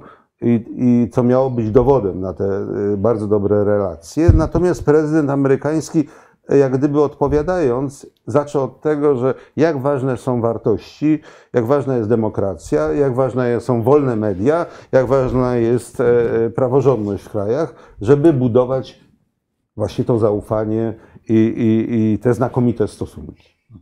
I ten dysonans, który poprzez te wypowiedzi powstał, pokazywał między innymi, jak w różny sposób rozumiemy, czym są dobre stosunki. Znaczy ja uważam, że ten komunikat y, o tych o wartościach i o tym wolnym świecie i o, o, o wolnych wyborach i o kontrolowaniu rządu, to się pojawił u Bidena kilka razy, to było podkreślane, tak? I tutaj odnosząc się do jakiegoś z komentarzy, no, e, nie sądzę, żeby prezydent Biden się konsultował z Tuskiem, tak? że, że to mówił, proszę pana. Tak, bo z całą pewnością nie. nie. Także, Mało tego, nie. powiedział coś takiego, co e, świadczy o tym, że jest wybitnym politykiem, bo mówiąc o tym, e, że musimy wszyscy, i powiedział, także w Polska odrobić tę lekcję demokracji, powiedział, dodał do tego i my też, mówiąc, my Amerykanie Mhm, też tak, musimy też, tę lekcję tak, odrobić, tak. bo tam ten problem też jest. też jest. I on w swojej wielkości, tak to określę jednak, e, potrafił się do tego przyznać. On nie mówił, ja wam powiem, jak to trzeba zrobić. Nie, jak my musimy zrobić, bo my też mamy ten problem. I to jest, e, e, świadczy o ogromnej mądrości politycznej prezydenta amerykańskiego, po prostu. No, tu, tu, tutaj widzę, y, już nawet pojawia się sprawa smoleńska. Y, Ja bym powiedział krótko, y, czy Putin był zdolny do, do, do zamachu w Smoleńsku? Był zdolny, tylko nie ma żadnych kompletnie przesłanek, które by świadczyły, że był to zamach. Ja, bo to znowu wywołał trochę prezydent Zełenski, y, mówiąc, mówiąc o tym Smoleńsku. Więc ja powiem inaczej. Jak ja tuż po katastrofie smoleńskiej ja roz, rozpoczynałem swoją misję na Łotwie, czyli kraju postsowieckim. Otóż tubylcy w ogromnej części byli przekonani, że to był ruski zamach, no bo, bo, bo tak. Tak. powiem, znali Rosjan. No tylko po zbadaniu okazało się, że y, nie trzeba było zamachu, no najzwyczajniej w świecie. No tak, ale jeszcze y, chyba, że przyjąć taką filozofię, że Putin był tak zmyślnym człowiekiem, że mm, przewidział, że mm, legenda y, zamachu smoleńskiego, tak zwanego, zbuduje później silną partię polityczną, Nie, która na- obejmie władzę. na- na- Bo przecież pamiętajmy nie, o tym, jakie były, jak był, jaki był stan rzeczy y, w kwietniu 2010 roku, jeśli chodzi o sondaże polityczne, przed zbliżającymi się wyborami Tak. One praktycznie rzecz biorąc e, zmiatały e, rządzące e, do tej pory środowisko. Ono się odbudowało tak naprawdę na tym micie smoleńskim, wykorzystując no, naturalną zupełnie i, i historycznie naszą skłonność, powiedzmy sobie szczerze, do rozpamiętywania rzeczy, które były, bo e, to bardzo potrafimy. Dobra. Znaczy tak, wy- kto, któryś, To budować wspólnotę Słuchaj, po, na, nad, nad właśnie e, nieszczęściami. Tutaj któryś z naszych widzów przypomniał, rzeczywiście to było bardzo eleganckie i, i skądinąd ciekawe, e, że mm, e, prezydent Joe Biden e, cytował wybitnego filozofa Sorona Kierkegaarda. Tak. E, Natomiast ja bym e, tym, że- żeby już zakończyć tę całą smoleńską debatę, to ja bym e, z kolei e, odwołał się do innej filozoficznej teorii brzytwy Ockhama. No po prostu brzytwa Ockhama zakłada, że jeżeli coś można wyjaśnić w sposób, wyjaśnia się w sposób prosty, to się tego nie wyjaśnia y, skomplikowanymi dzie- teoriami spiskowymi. No po prostu zostało opisane, jak do tej katastrofy doszło. Ta katastrofa była y, właściwie od pierwszego dnia to było mniej więcej wiadomo. Było, była połączeniem dwóch bałaganów, polskiego i rosyjskiego, plus pech, plus parę innych elementów doprowadziło to do straszliwego nieszczęścia. Ale ponieważ my rozmawialiśmy o tym wcześniej, ja się przyznałem, że zajmowałem się organizacją podróży zagranicznych premiera Buzka, więc jakby i te samoloty y, znam bardzo dobrze i, i zasady podejmowania decyzji. Nie tylko, nie tylko przed wylotem, ale także No, tak w w trakcie, trakcie lotu. No, trakcie to lotu, praktykowaliśmy, to, więc... to, to, to mogę tylko powiedzieć, że nigdy nie pielęgnowaliśmy, nie przywiązywaliśmy zbyt wielkiej wagi do zasad, do przepisów. To jest pierwsza rzecz. Ale jednak to, co różniło e, obsługę, e, która była wcześniej e, w tymże pułku lotniczym, było doświadczenie i autorytet. Znaczy byli tacy piloci, najlepsi, potem e, zostali... e, którzy właśnie mieli siwe głowy trochę. Ogromny autorytet i żaden prezydent ani premier nie mógłby im powiedzieć, co mają robić. Po prostu byłoby to niemożliwe. Znaczy, no- A przecież przeżyliśmy, Nie, no, przypomnę, jakby- pa- kto pa- pamięta, ten pamięta, bo, bo TVN już podał, że zniknął z Tak, radarów tak, samolot leciliśmy do premiera. Meksyku do Meksyku razem, tak. lecieliśmy. Rzeczywiście przeszliśmy przez bardzo gwałtowną burzę e, lodową na tak. dodatek. To No kawałki lodu, które rozbijały się o szyby pilotów. Wiem, bo ja byłem w kabinie Dziób pilotów tego na moment. samolotu był powyginany. Po- powyginany, a poza- a poza tym jak a jajko poza po tym prostu. samolot w pewnym momencie wpadł w dziurę i spadł kilkaset metrów w dół. E, Wrażenie i, i ja... zniknął na chwilę z radarów i stąd Tak. ten komunikat, że... TVN zresztą wtedy podał, tak. że samolot e, premiera Buzka po prostu zniknął. E, Premier był chory na dodatek, wyleciał Tak. przeziębiony, w związku z tym nie domagał zdrowotnie. e, Ale później powstała legenda, że podczas właśnie tego spadku, Tak. że się uderzyło o coś, co było nieprawdą akurat. e, Po prostu był rzeczywiście koszmarnie przeziębiony z gorączką. Natomiast, natomiast ja pamiętam, że wyglądałem, wyglądałem przez okno, bo większość pasażerów, to było kilkadziesiąt osób jednak, spała, bo to była jakaś zupełnie zmiany stref czasowych. I Ja pamiętam, że obudziło mnie właśnie takie tąpnięcie duże. Spojrzałem przez, przez okienko i zobaczyłem, że, że skrzydła samolotu po prostu są jak ptaka po Tak, prostu. One się odchylają do góry i na dół o nie wiem, 2-3 metry. I ja miałem wrażenie, że to niemożliwe jest, żeby one się nie urwały w ogóle. Dopiero później rozmawiałem ze słynnym zresztą pilotem i dowódcą, który był absolutnie autorytarnym generałem na pokładzie nikt mu, przepraszam za kolokwializm, nie podskoczył. I go zapytałem po prostu, czy by- byliśmy w niebezpiecznym, w niebezpiecznej sytuacji. I on powiedział, a nigdy nie mówili, że, że, że jest niebezpieczna sytuacja. To była ich wiedza, żeby nie wywoływać paniki. Powiedział, nie, nie, wszystko w porządku, tylko jeden problem to, że były tak duże kawały lodu, y, uderzały o szybę przednią, y, czyli kabiny pilotów, że mieliśmy tak obawę, czy nie, nie rozbiją tej szyby. Tak. Znaczy rozbicie szyby to koniec. No nie, no to Ale dekompresja nie jest zasada była koniec. sztywna, że nikt nie ma prawa, żeby pójść do dowódcy i mu powiedzieć, żeby zmienił e, własne decyzje, konsultowane przeważnie z wieżą gdzieś tam.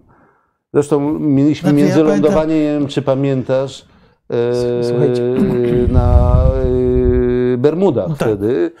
E, Przyjęliśmy to z ulgą, było to techniczne lo- międzylądowanie. E, Panika bo, bo, była bo, też. Bo po prostu miał, nie, nie, nie, nie był w stanie dolecieć na jednym baku Tak, y, musiał do Ameryki. tankowanie Musiał tankować. e, Słuchajcie, tak. wróćmy do, jeszcze do wizyty Bidena, dobrze? Bo to jest bardzo dobrze wyjaśnić te e, wątpliwości, które tu się pojawiają, ale e, czy e, jeszcze coś pominęliśmy w tym? Bo rozumiem, że było tak, że Biden pięć, chyba kilka razy powtarzał, prawda, że święty jest artykuł piąty. Tak. E, No nie, no to jest, To tak, jest- to jest takie uspokajanie nas, no bo z drugiej strony, tu też zresztą padło to pytanie, ja myślę, że ten atak rakietowy na Lwów Tak. był e, celowym gestem, żeby pokazać, że my potrafimy was dosięgnąć. Nawet jak u was jest ten Biden e, ze strony Rosjan, no bo tutaj dystans już jest żaden. E, Więc e, I pokazać, że rosyjskie siły, mimo że nie, obawy, nie które- odnotowują postępu na, na, na, To ich w Ukrainie, stać na- na- na- na, na uderzenie na dużą odległość, precyzyjne uderzenie Zresztą tutaj obiekt. padło też w pewnym momencie pytanie, czy, co, co by się stało, jakby Rosjanie zrzucili bombę atomową na Warszawę? Czy NATO by zareagowało? No, myślę, że tutaj akurat w tej kwestii można powiedzieć spokojnie, tak zareagowałoby. Tej kwestii na pewno. co innego jakby nad w polu gdzieś. Nie, no, nie, no, co, nie, no co, można się zastanawiać, aczkolwiek sądzę, że w, obecnym, w obecnej sytuacji też można się zastanawiać, czy by NATO reagowało, jakby doszło do jakiejś strzelaniny rosyjsko, na, na rosyjskiej granicy, powiedzmy, tak, żeby tam zginęło pięciu żołnierzy, y, coś takiego, no to, to, to, to, to można dyskutować, ale myślę, że w tej chwili nawet to by było casus belli dla NATO, rzeczywiście, bo y, sojusz ma świadomość właśnie tego, co to bardzo wyraźnie mówił Biden, że jesteśmy w stanie głębokiego, zimnego na razie konfliktu, y, nie tylko z Federacją Rosyjską, tylko ze światem, który jest wrogi naszemu zestawowi wartości, naszemu stylowi życia. I jeżeli chcemy się bronić, musimy być twardzi. Ale No w tym kontekście, e, przepraszam. Teraz pytanie o tę twardość jest pytanie, było pytaniem kluczowym e, szczytu NATO, ale myślę, że było również pytaniem, które stawało w rozmowach pomiędzy delegacjami rządowymi i w, komunik- w komunikacji strony amerykańskiej z naszymi oficjalami. Czyli inaczej mówiąc, e, Amerykanie zadeklarowali, że ich zaangażowanie będzie większe niż dotychczasowe. Zresztą to Biden mówił, że wojsk amerykańskich w Europie jest więcej, jest najwięcej od czasu zimnej wojny. Prawda? 100 tysięcy. 100 tysięcy amerykańskich żołnierzy, a może być jeszcze więcej. Y, To, że nie padły deklaracje, że tyle i tyle wojsk będzie, to w porządku. Mnie zabrakło w tych przemówieniach Bidena dwóch rzeczy. Przyznam, że, że to jeden z tych braków, że to Amerykanie sami zauważyli i próbowali załatać w ostatniej chwili. Zabrakło mi jedna y, powiedzenia, że akt stanowiący Rosja NATO powinien, od, odszedł do, do lamusa. Powinien sobie po prostu wy, wy, E, wy, tak, albo ogłoszone, że nie ma. Tak, że Rosjanie po prostu go zdemolowali. De facto, de facto o tym powiedziano, bo przypominam, że ten akt stanowiący mówi, że na terenie krajów em, flankowych nie może stacjonować więcej niż równowartość dwóch ciężkich brygad. W tej chwili jest już więcej znacznie wojska niż dwie ciężkie brygady. Jest w, na, na poziomie faktów to się stało, natomiast na poziomie deklaracji politycznej powinno to paść. Sposobem na to byłoby między innymi zadeklarowanie, że tworzymy stałą bazę amerykańską. W Polsce, nie w Polsce, to na Łotwie, wszystko jedno. Tej, tego wypowiedzenia aktu stanowiącego mi zabrakło. I drugiej rzeczy, którą Amerykanie, jak mówię, w ostatniej chwili sami załatali, to, że się nie pojawiło ani razu słowo Białoruś. Białoruś, która jest w pełzający sposób anektowana przez Rosję. była na przemówieniu y, prezydenta Bidena Swietłana Cichanowska, Tichanowska. tak. Był Paweł Łatuszka. Zresztą Swietłana była świetnie ubrana, bo biały płaszcz czerwonym w, w kolorach flagi narodowej. I Biden, jak mówię, chyba się zorientował, bo proszę zwrócić uwagę, że poszedł jeszcze zanim wystartował z Warszawy komunikat, że odbyła się rozmowa telefoniczna Bidena z Tichanowską.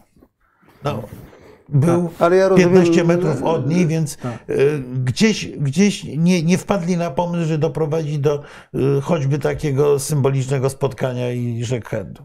Znaczy, ja, ja mam wrażenie, że, że Amerykanie organizując y, bardzo trudną wizytę, chociażby przez to, że, że ona się zaczyna Trochę byli za bardzo sfokusowani na sprawę ukraińską. Na sprawę ukraińskiej i organizacyjnie to y, było niezwykle trudne i z punktu widzenia bezpieczeństwa. Każde odejście, no wyobrażam sobie, że takie rzeczy się działy przecież, że prezydent schodząc podchodzi Tak. i, i żeby się przywitać e, ze Swietlaną Cichanowską, no tak, ale to wywołałoby prawdopodobnie trzeba by innych zatrzymać. Tych chętnych byłoby dużo więcej. E, Wyobrażam sobie, że byliby nawet jego najwięksi krytycy, którzy Znaczy pobiegliby. nie, ja, ja, ja e, myślę, że to było do zrobienia i mówię, w pewnym w momencie W innym momencie Nie, w prawdopodobnie. pewnym momencie to się pojawiło. E, Tak jak ja obserwowałem. Natomiast końcówkę. mowa była znaczy w tych słowach o, o, o, o, o, o innych krajach, które nie domagają demokracją. Przepraszam, było ta, także to było, to było skierowane też do Białorusi. Ale by, by, pytałeś się o jakiś inny motyw, Jeszcze, czy jeszcze a czegoś propos jeszcze. tej, tej Tak. końcówki, bo y, ja zwracam uwagę, że tam był w pewnym momencie i to chyba była niedoróbka w ogóle ochrony, bo y, Biden y, nie przyjeżdżał na plac zamkowy, tylko przyjeżdżał przez Arkadę Kubickiego, wchodził do zamku. I on się tam zatrzymał w Arkadach Kubickiego i wedle mojej wiedzy y, był pomysł, że tam przyprowadzić Cichanowską. Tylko ją służby wyprowadziły drugim wyjściem już do, do samochodu. Czyli za, pó- za późno. Mm. I, I to się gdzieś rozjechało i stąd to była w Nie wiem, jeżeli listy. był taki plan. Natomiast Tak, ba- bardzo tak, ważny bo, był. y, zwróć uwagę, że on tam bardzo długo, bardzo długo nie ruszał. Bardzo no, długo nie ruszał stamtąd. y, no, to są. y, Ja nie, ja nie wiem po prostu, ale wiem z kolei, jak pracują służby Secret Service. To jest tak, że jeżeli mają jakieś komunikaty, żeby się wstrzymać. No to się wstrzymują. e, Tak, to znaczy to jest e, e, bardzo precyzyjne komunikaty, jak, co się dzieje na szlaku, na drodze przejazdowej, że na przykład no, wypadek był akurat, że coś. To mogą być Nie, bardzo nie, różne przyczyny. droga była oczyszczona i tam było to przewidziane odrobinę Marek, nie wcześniej. wiem skąd wiesz, że droga była oczyszczona, bo to są rzeczy, które po prostu nie idą przez nasze telefony i tak dalej. Ja, ja myślę, że oni wiedzą na ogół więcej niż my No, no i, i, i, i mają e, komunikaty ze wszystkich absolutnie służb polskich, ale i własnych Tak. też, których jest więcej niż nam się w ogóle Mhm. wydaje, bo w większości nie mamy zielonego pojęcia. Natomiast tam pad- padła, była jedna bardzo ważna rzecz, e, e, która jest związana w jakimś sensie z tym, z tym kontrowersyjnym dla niektórych sformułowaniem dotyczących, że ten człowiek nie powinien tam, tam rządzić. I to było takie emocjonalne e, e, oboże, prawda? Osobiste, tak, tak. E, e, Bardzo ważny moim zdaniem był ten komunikat skierowany do, do obywateli Rosji, bo o tym nie mówiliśmy. A to jest e, po pierwsze bardzo ludzkie, po drugie wskazujące, że nie ma myślenia w kategoriach, nie powinno być obarczania odpowiedzialnością po prostu zwykłych obywateli rosyjskich. Bo to by, gdyby tak zrobić, to by zamykało w ogóle przyszłość bardzo dużego państwa, które, e, i, przepraszam bardzo, otoczylibyśmy jakimś murem też, No tak, czy że w jakiś jest sposób te sto- fizycznym. Sto kilkadziesiąt milionów To, obywateli. znaczy, te, ludzi tego, się nie, tego się nie da zrobić.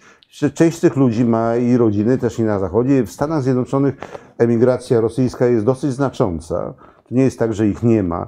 To jest też arystokracja rosyjska, którą tam jest i która była do tej pory przynajmniej proputinowska. Em, Natomiast ten komunikat otwiera jak gdyby nową, nowe myślenie, to znaczy e, e, Rosjanie, obywatele rosyjscy, jesteście ofiarami polityki Po- Putina, tak jak i inni, tak jak i my. I że w związku z tym e, przed wami stoi i jest przyszłość. Nie jest tak, że tam jest ciemność wyłącznie, tylko musicie ją zmieniać. To jest jakby druga część tego, tego sprosto, to sprostowanie, które przyszło w ślad e, ze, e, za wypowiedzią prezydenta Bidena ze strony Białego Domu, ale też e, e, sekretarz stanu Antony Blinken e, powiedział, że mm, prostował tę wypowiedź, jakby potwierdzając ją. To jest to, jest to powiedzenie, że jakaś przyszłość pozytywna przed Rosją, jeżeli będzie kiedyś demokratyczna, jeżeli zmieni system władzy, jest. E, No tak, to, to, to, to, zresztą, to, to, to, to, zresztą jest w ogóle e, obawa, ciągła obawa Zachodu przed tym, że Rosja zacznie się rozpadać, bo to, to, to by też destabilizowało politykę światową. Tutaj padło pytanie skierowane do ciebie o reakcję Ameryki Łacińskiej. Na agresję na cały konflikt, Tak. e, na cały konflikt e, w, napaść Rosji na Ukrainę. Ja mam wrażenie, e, znaczy, przyznam szczerze, że nie śledziłem e, mediów e, latynoamerykańskich. Nie mówi się o tym głośno, bo jakby Ameryka Łacińska jest dosyć odległa geograficznie. Myślę, że to jest troszeczkę tak jak z pierwszą czy drugą wojną światową. Am- Ameryka Łacińska generalnie wówczas i chyba teraz do pewnego stopnia uważała, że to jest konflikt europejski i że należy trzymać się z daleka. E, Jeżeli dojdzie do jakiegoś kryzysu, w którym zaangażowane będą Stany Zjednoczone, to oczywiście e, większość państw Ameryki Łacińskiej, a zwłaszcza Ameryki Środkowej, e, Kolumbia, e, dołączą do koalicji, wesprą e, Zachód e, politycznie, a kto wie, może i nawet i gospodarczo.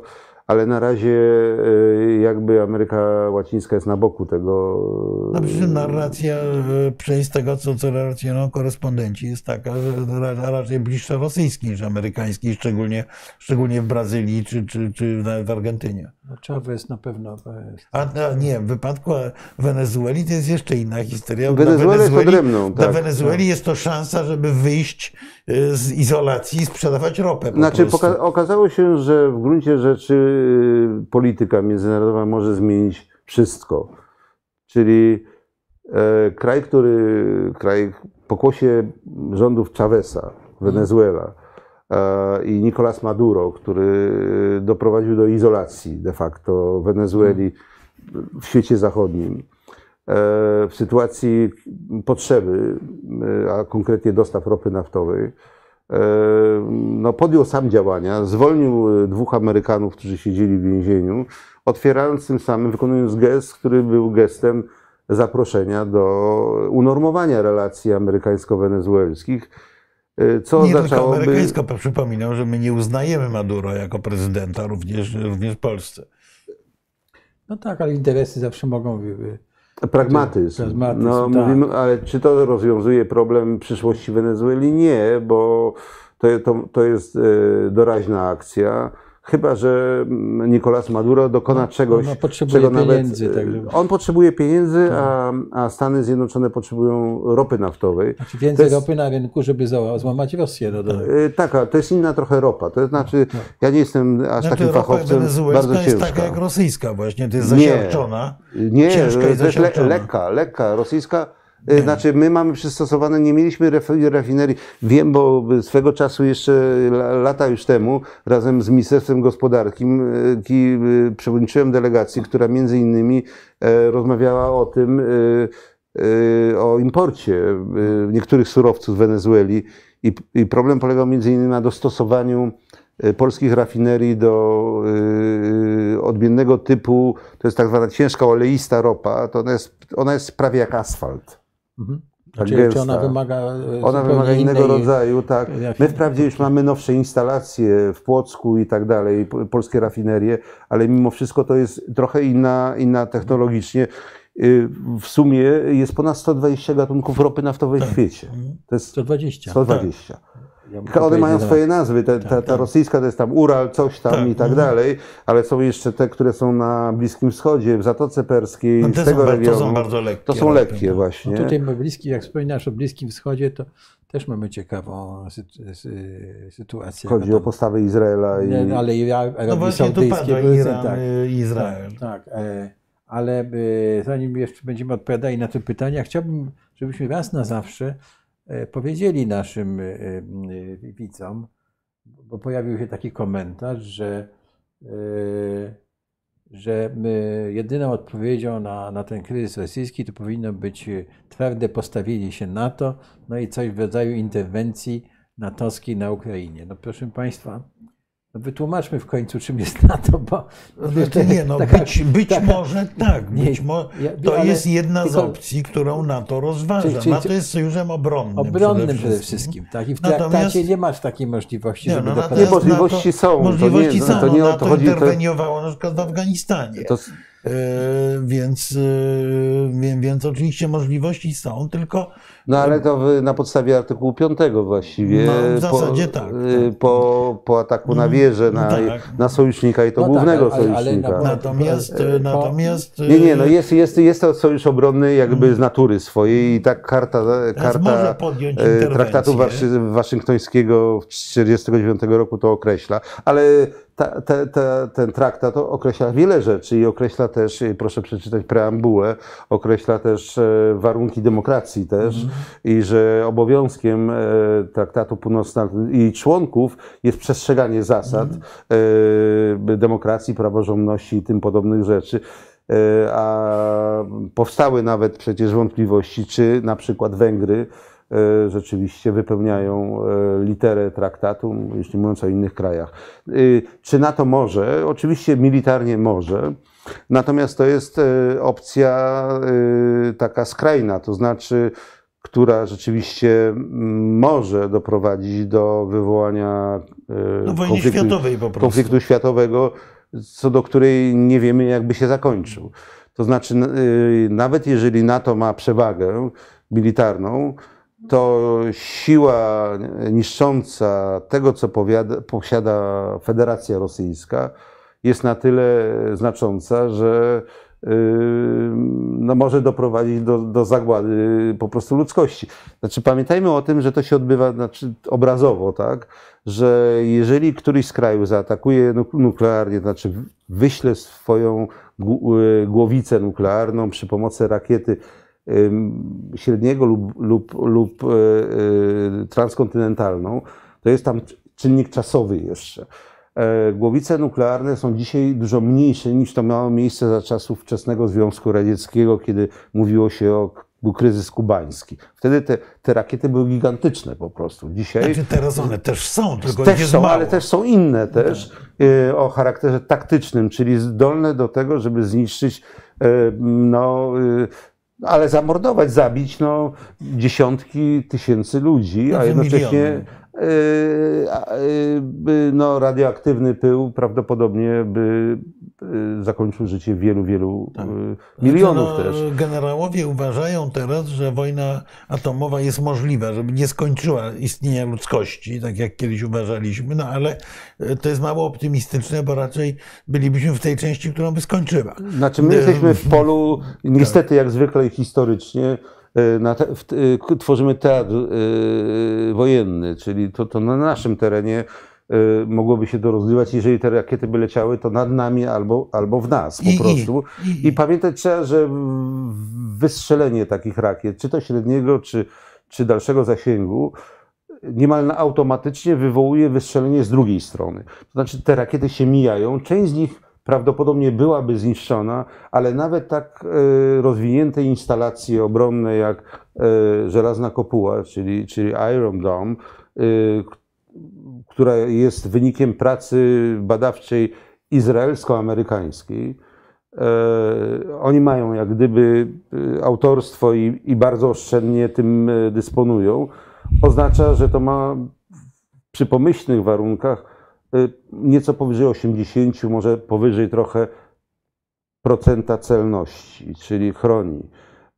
Ale te 10% czy 15, a może 20% jest zagrożeniem, które może zlikwidować życie ludzkie na bardzo dużym obszarze. Znaczy nie, no Więc- Rosjanie i Amerykanie mają po plus minus 5-6 tysięcy głowic atomowych, prawda? Przy czym Rosjanie chyba mają więcej, Ciut więcej, ale to, ale niewiele. To nie, to jest- nie zmienia. To, to, to mniej więcej równowaga proporcji, tutaj jest, tak. natomiast no, nawet jeżeli zostanie zniszczone 80%, no to te 20% głowic y, y, to jest y, mm, ile? To jest y, no około, y, około tysiąca, prawda? No, No, dziękuję. tak, tak. E, To, no to by oznaczało po prostu być może nie likwidację, ale de facto e, no, degradację cywilizacyjną e, obu tych krajów, więc ryzyko wojny atomowej pełnowymiarowej jest dramaty, dramatem. Natomiast dlaczego na to nie interweniuje? Otóż ja sądzę, że e, tu są dwa elementy. Jeden element to jest coś, co ja bym określił mianem pokera, czyli obie strony, bo zwracam uwagę, że Stany Zjednoczone po raz pierwszy od dziesięcioleci też posunęły się do groźby użycia broni atomowej. Bo Biden powiedział, że będzie odpowiedź, Odpowiedź, atomowa tak. na rosyjskie ataki. Rosjanie straszą tą bronią bez przerwy. Wobec tego ma, ma to pewien wymiar takiej gry, gry w pokera, właśnie kto, kto silniej blefuje.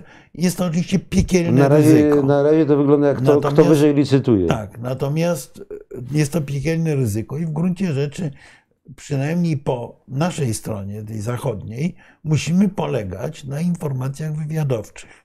Zwracam uwagę, że kilka razy już były takie komunikaty amerykańskiego Pentagonu w oparciu o decyzję, o informacje wywiadu, że pewne działania będą przekroczeniem granicy ryzyka. Więc y, ta opcja interwencji natowskiej cały czas jest na stole przecież. Przecież strategzy na- NATO, strategzy poszczególnych armii to rozważają.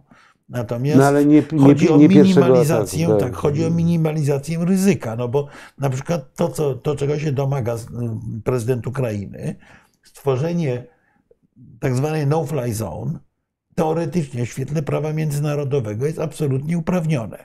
Niepodległy kraj zwraca się do sojuszu wojskowego z prośbą o to, żeby nad jego terytorium utworzyć Był zakaz, zakaz, za- tak. strefę zakazu lotów. Tylko jest poziom, jest wysoki poziom ryzyka, że dojdzie do starcia. Znaczy, że trzeba wyegzekwować ten Tak. zakaz jeszcze. No nie, bo, zaka- prawda? bo, bo On nie jest po to, żeby nie, ogłosić, nie można powtórzyć błędu. Obamy w Syrii, czerwona że linia, jest tak. czerwona linia, przekroczyli czerwoną linię, nic nie zrobiliśmy. Nie, no to przy tego Teraz typu... nie ma czerwonej linii. No już. Tak, przy tego typu e, e, opozycji politycznej, jak supermocarstwa stojące po dwóch stronach, nie można sobie na to pozwolić. Wobec tego doszłoby najprawdopodobniej do strącenia rosyjskich czy amerykańskich, a pewnie i tych, i tych samolotów.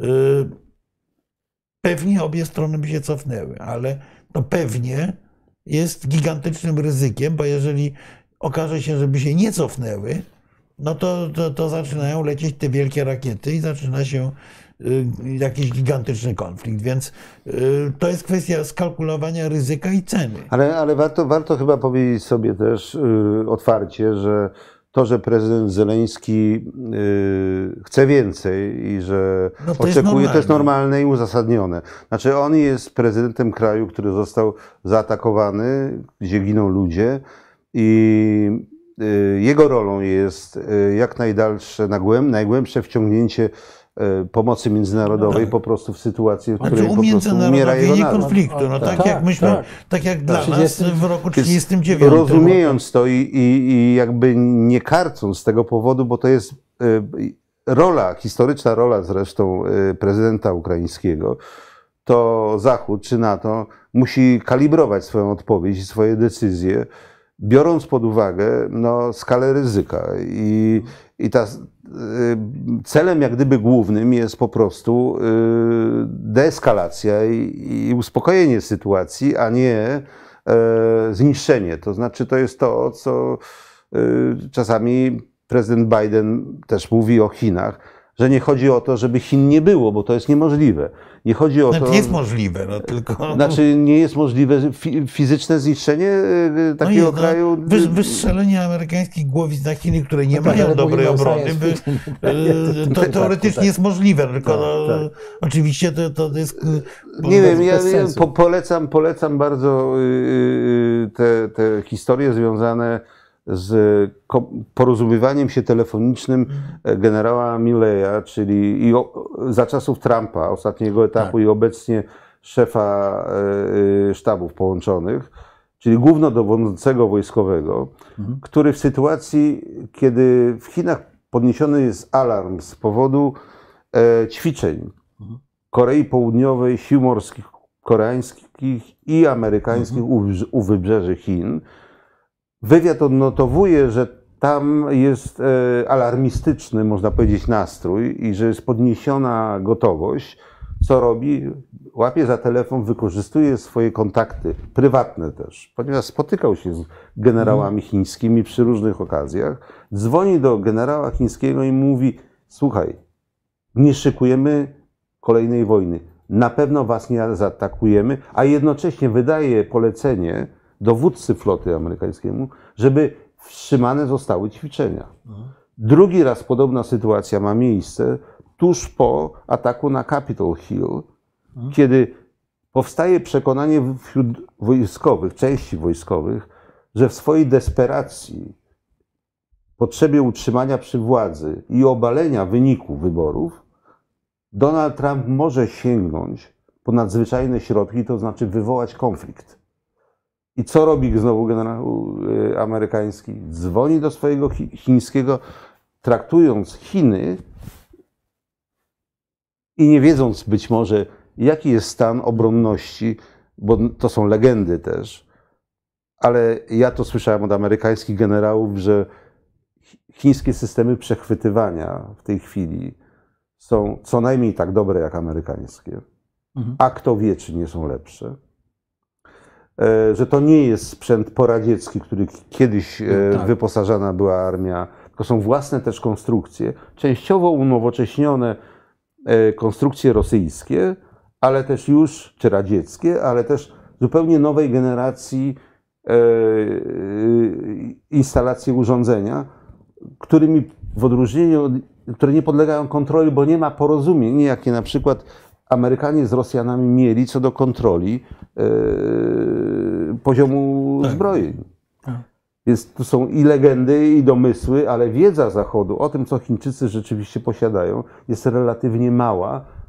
A wywiad amerykański uważa, wojskowy wywiad, że Chiny są bardzo daleko zaawansowane, jeśli chodzi o system między innymi y, przechwytywania rakiet. Więc y, to, że dzwonił ten generał nie do innego, do kogoś innego w sytuacji możliwego konfliktu, że coś będzie się stanie, bo prezydent jest na granicy e, wytrzymałości psychicznej, tak to określmy, e, świadczy o tym, że bardzo poważnie oceniają możliwości też e, swojego adwersarza czy partnera, jak to woli. Nie, no No tak, ale, ale, ale rozumiem, że też, też powiedzieć, że em, e, są takie w, krytycznych sytuacjach są też takie sposoby działania. Tak, ale za, E, właśnie zaniepokojenie Amerykanów w tej sytuacji, jak- jaka jest w tej chwili, że jest relatywnie mały kontakt z rosyjskimi partnerami. Tak, znaczy, że, że nikt nie odbiera Szojgu i tak dalej, że zresztą Szojgu było ogłoszenie, że on miał zawał serca. E, bardzo interesujące, tak trochę w stylu radzieckim jeszcze w starej Tak. jakiejś tej, prawda, że zachorował e, i nie przyszedł na politbiuro Mhm. e, i nigdy go już nie znaleziono na przykład. E, To, e, e, więc, a być może tak rzeczywiście było. Wyobrażam sobie, że po tym, Poziom co, stresu jest po, dramatyczny. po, po tym, co, co, co robi Amerykańska, jakie osiągnięcia amerykańska, e, rosyjska armia w Ukrainie, to można mieć zawał serca, rzeczywiście. Nie, no, no, E, Natomiast, tak, natomiast e, zwracam jest, uwagę, jest, te najważniejsze ka- kanały komunikacji były za pośrednictwem wywiadu zawsze. Ale zwracam uwagę, że e, Biden e, powiedział coś takiego, że dwa, kilka dni przed inwazją otrzymał zapewnienia od prezydenta Putina, że nie będzie ataku na Ukrainę. Czyli ten poziom zaufania do zapewnień mały, partnera jest bardzo mały. Jeżeli Tutaj- w ogóle jakikolwiek. To wczoraj Tak. padało, to zresztą tak, tak. wystąpienie było, Tak. oszukał mnie tyle Tak. razy, oszukał Tak wszystkich. I, I to zresztą świadczy, te, te właśnie słowa, ale też wcześniejsze powiedzmy, Tak. że jest e, war criminal, prawda, Mhm. zbro, Tak. zbrodniarzem wojennym. E, e, powiedział chyba na stadionie, powiedział, że butcher, tak? Tak. E, czyli rzeźnikiem. Rzeźnikiem. To znaczy, że już nie ma kanału tego komunikacji Tak. Biden-Putin. On już jest zamknięty. Tak. I pozostają inne. I myślę, że tu jest ogromna rola, y, tutaj chyba jeden z panów o tym wspomina, po stronie tych krajów, które wciąż utrzymują jakieś kontakty, byłbym ostrożny w takim krytykowaniu ich za, Tak, za tak. to, bo y, jakiś kanał komunikacji musi pozostać, No tak, jeżeli no te myślimy o telefony, te, rozwiązaniu. te telefony Macrona. prezydenta Macrona. E, Erdogana, nie, nie są, no nie, ale w wypadku Macrona to myślę, że nie jest to dla niego przyjemność, że on dzwoni. To nie jest i ogromne ryzyko polityczne. Jest to też. ogromne ryzyko polityczne i pró- próbuje, próbuje utrzymywać ten kanał komunikacji, oczywiście. E, Tutaj padło pytanie do mnie, e, czy mniejszość rosyjska w Estonii i na Łotwie może być wykorzystywana przez Rosję, ależ jest wykorzystywana. W tej chwili jest bardzo e, silnie zinfiltrowana, jest głęboka destabilizacja tej mniejszości. Rosjanie to zupełnie świadomie podgrzewają. Znaczy, ja taki przykład e, przedsiębior, znajoma, znajoma, która jest przedsiębiorcą poważnym na Łotwie, w jednym z oddziałów swojej firmy, który jest w Dyneburgu, czyli na obszarze, za- gdzie zamieszkuje mniejszość rosyjska, w momencie konfliktu wywiesiła flagi ukraińskie. Dzień po wywieszeniu e, te flagi ukraińskie musiała zdjąć, jak to ładnie określiła, ze względu na bezpieczeństwo e, placówki i personelu. No, to pokazuje, jaka jest tam atmosfera wśród mniejszości rosyjskiej. Przypominam, to jest, to jest ta część mniejszości rosyjskiej, która ma obywatelstwo, która jest, y, y, ma władzę w samorządzie de facto i tak dalej, i tak dalej. Więc ta, ta, ta mniejszość rosyjska jest świadomie w tej chwili bardzo mocno podburzana w tych krajach i, może, i w planie Rosji, ja idę o zakład, że gdyby Putinowi na Ukrainie udała się, udał się blitzkrieg, udało się błyskawiczne zwycięstwo, to rosyjscy dyplomaci w Rydze, w Tallinie, a nie wykluczałem, że w Warszawie, przyszliby z notami żądającymi tego, żeby te kraje ogłosiły niepod, nie- neutralność. Yy, To przecież Ukraińcy nas przed tym obronili tak naprawdę. No właśnie to, Również Polskę. Znaczy, my, my, my, my, zaraz wrócimy może do pytań, tylko chciałbym jedną rzecz e, e, opowiedzieć może, postaram się Tutaj bardzo pan krótko. powiada, że je- je- jedno zdanie, komentarz wtrącenia, że Biden jest niedołężny. Otóż e, pan czy pani W jakim Vanatu, sensie? Ale w jakim e, sensie W jakim sensie? Bo ja muszę powiedzieć, że Prezydent Roosevelt jeździł na wózku. Nie, ale słuchając Tak? Bidena wczoraj, e, stojąc tuż obok, ja bym chciał, żeby tak energetycznie zachowywali się nasi politycy.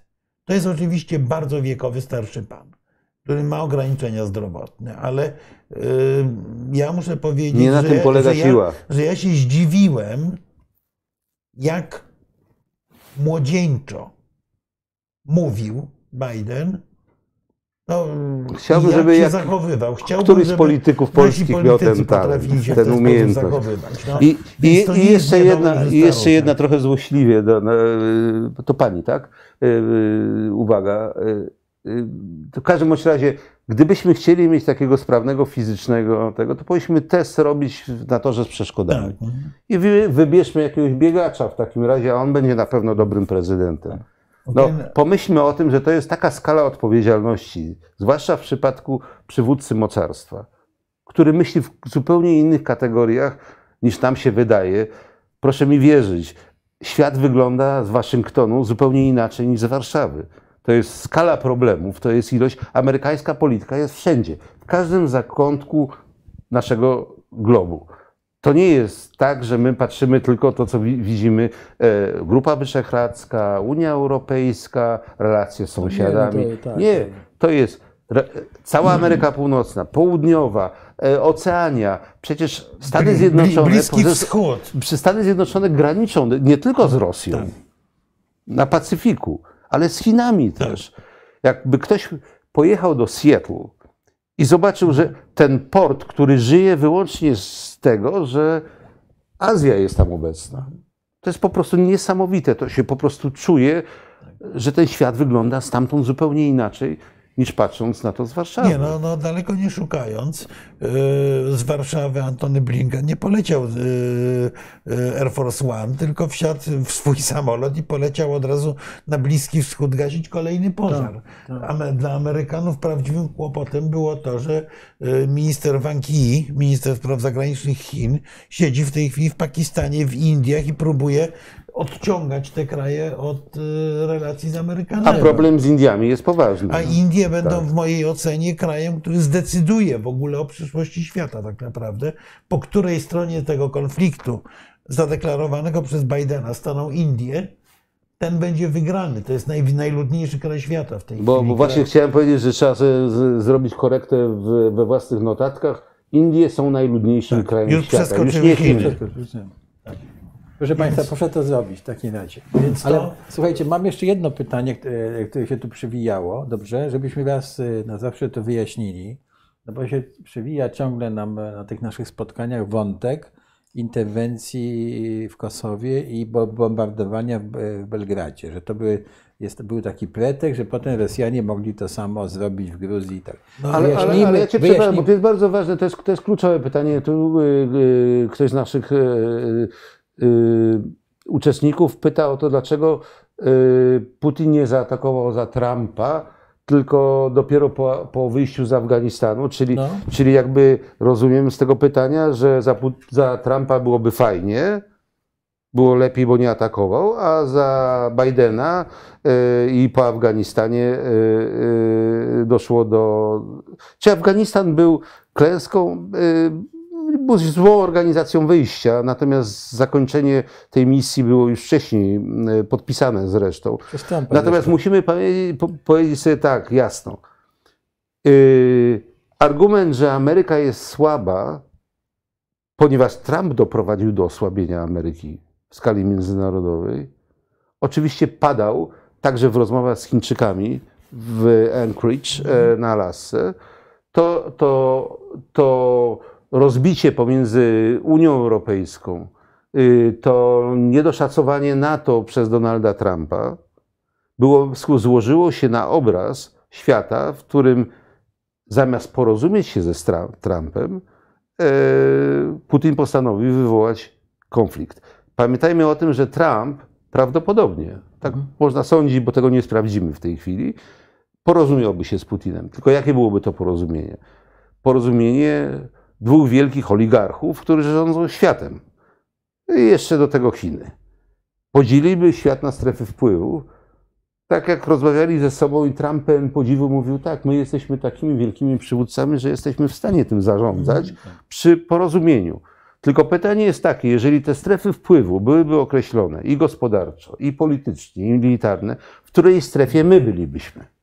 Bo ja mam obawy, że nie bylibyśmy w strefie To zachodniej. znaczy, w której byśmy nie byli, to byśmy byli podporządkowani. No to jest właśnie e, to, to, jest właśnie to kluczowe pytanie, bo to jest e, rzeczywiście myślenie w kategoriach stref wpływów, to jest myślenie w kategoriach nowej Jałty. No bądźmy I uczciwi. bez pytania No. uczestników. No nie, no na tym polegała idea Jałty, że wielcy ustalali między sobą, a pozostali mogli wyłącznie słuchać. No, y, Ameryka, e, Ameryka e, Bidena przynajmniej to jest to, co mówiłem wcześniej. To jest Ameryka, która stara się podwyższać ten wspólny mianownik, ale poszukuje wspólnego mianownika. Oczywiście Amerykanie bardzo chętnie, jak mogą, to narzucają innym swoją wolę, ale to jest jakby inna kwestia. No, y, ci inni z kolei y, muszą tę wolę przyjmować w momencie, gdy są za słabi. No, y, przecież y, tak naprawdę nic bardziej nie wzmacnia przywództwa amerykańskiego niż, niż groźby użycia bomb atomowych przez Putina. No bo w momencie, kiedy pojawia się to zagrożenie, no to właściwie parasol amerykański jest jedynym, czego cały Zachód, nie tylko Polska, może oczekiwać. No i, te, I to znakomicie Chiny- dyscyplinuje. Czego, czegoś, czego Chiny nie mają też przecież. tu, tu, tutaj jest ale, jedno i dlatego, pytanie. ale dlatego Chiny, dlatego Chiny, panowie, y, nie mogą się tak całkowicie od, od, y, oderwać czy odpiłować od Rosji. Nawet jakby chciały, bo Chiny nuklearnie są karzełkiem. W momencie konfliktu amerykańsko-chińskiego sytuacja jest trochę taka jak w relacjach y, Rosja-Ukraina, gdzie zawsze w cieniu pojawia się to, że Amerykanie mają tę ostateczną broń w ręku, której Chińczycy praktycznie nie mają, bo siły nuklearne chińskie są podobne do francuskich, no więc nie są w stanie, nie gwarantują wzajemnego zniszczenia, krótko mówiąc, z Ameryką. Czyli y, jedyna nadzieja Chin to jest to, że nad nimi się pojawi ten nuklearny parasol rosyjski.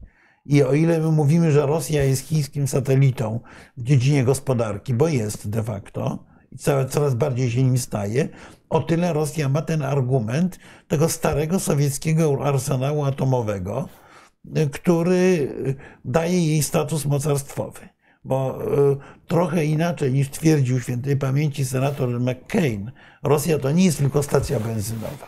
To jest stacja benzynowa plus bomby Za, za, atomowe. z, z z składem atomowym. Tak, składem atomowym, więc Ja, ja, ja, to przepraszam, ja nie wiem, czy ja dobrze zgaduję, że my się tak powolutku zbliżamy do końca. A tu jest jedno pytanie, które jest kluczowe No dobrze, do nas, do naszej wiarygodności. Dobrze. Bo tutaj jeden z panów chyba, czy, czy pani, trudno powiedzieć, e, mówi, że to jest czysta spekulacja. Otóż ja mam, do, mm, to, powinniśmy to Mhm. wyjaśnić. E, dyplomacja jest w ogóle, szacowanie to jest spekulacja, ale spekulacja oparta na dwóch elementach. Wiedzy i doświadczeniu.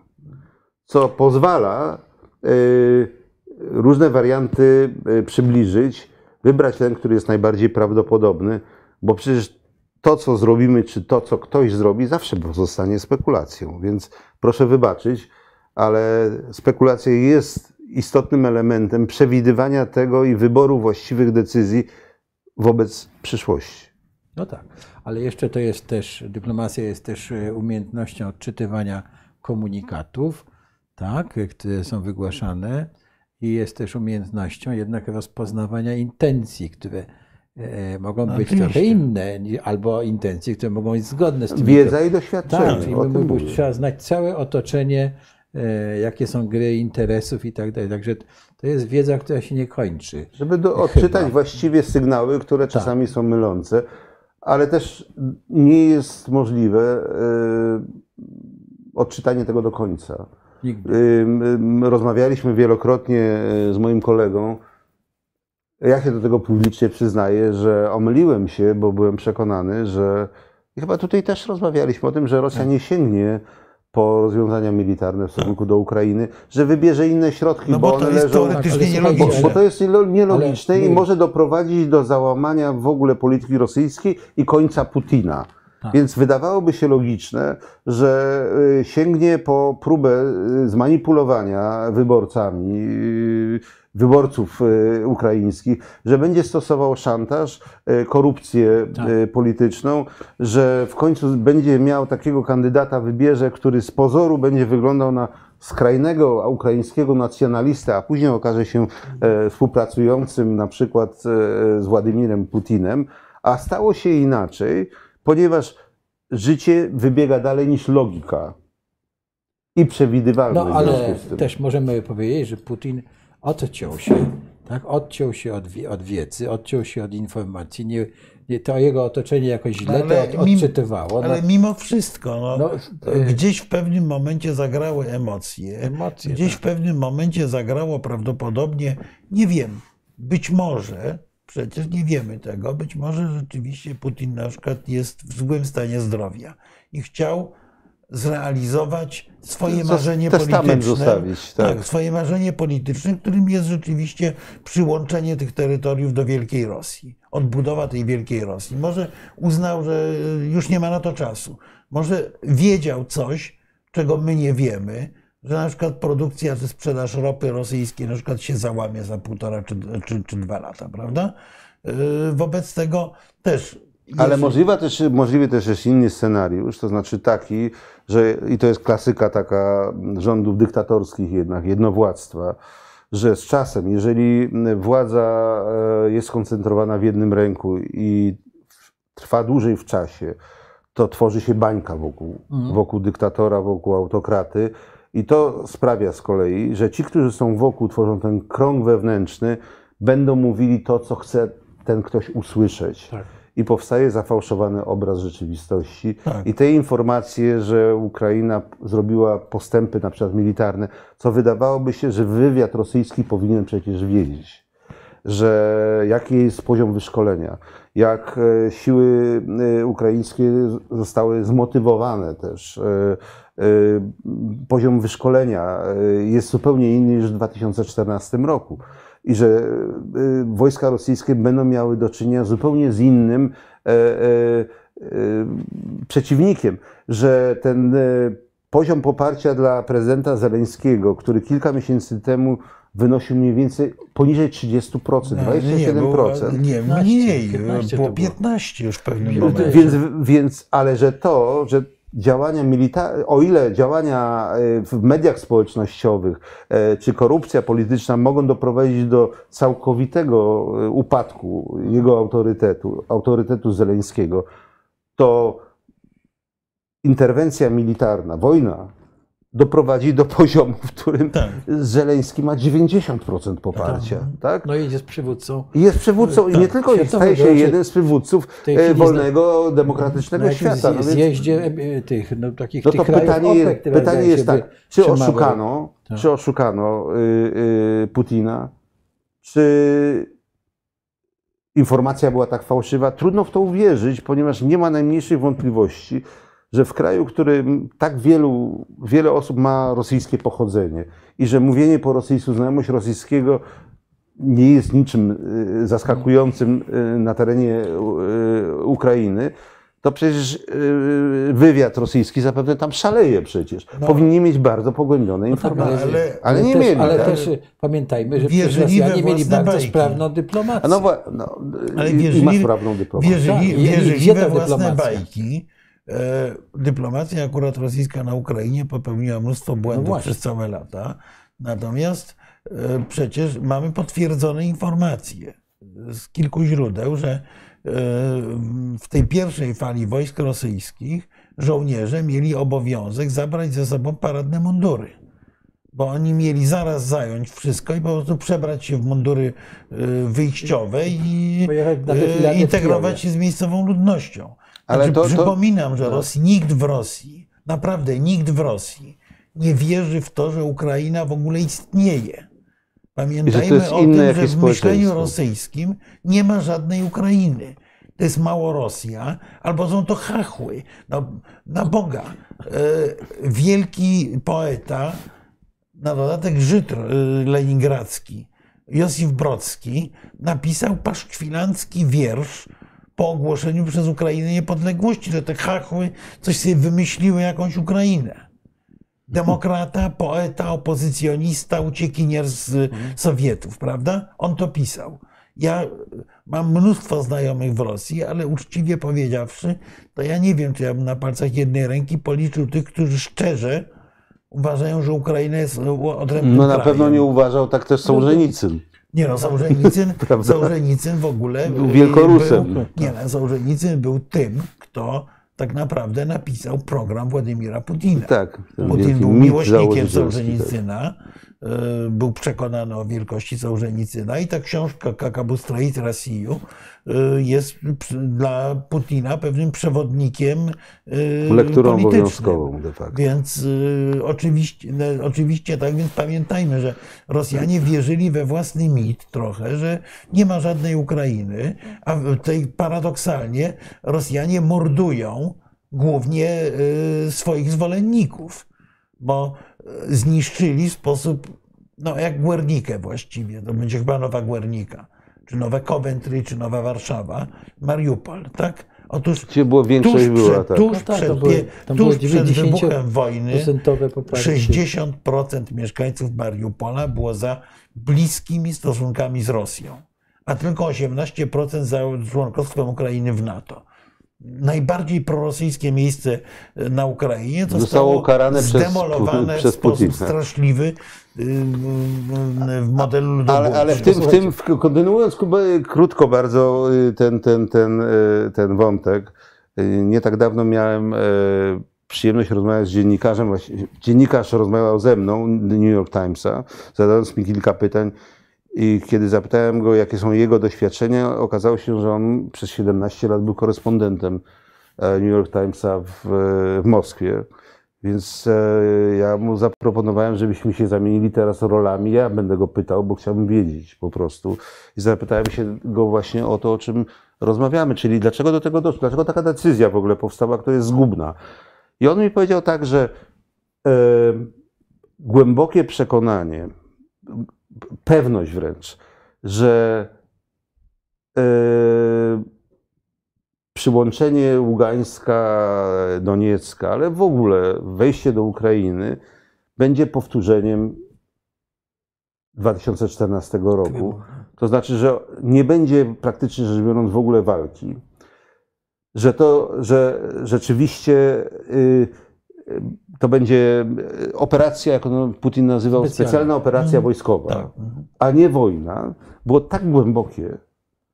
Może te, z tymi kwiatami to jest takie trochę jak z filmów y, radzieckich, powiedzmy, no może tutaj przesadzamy trochę, ale że większość Ukraińców zachowa się spokojnie i zaakceptuje Mhm.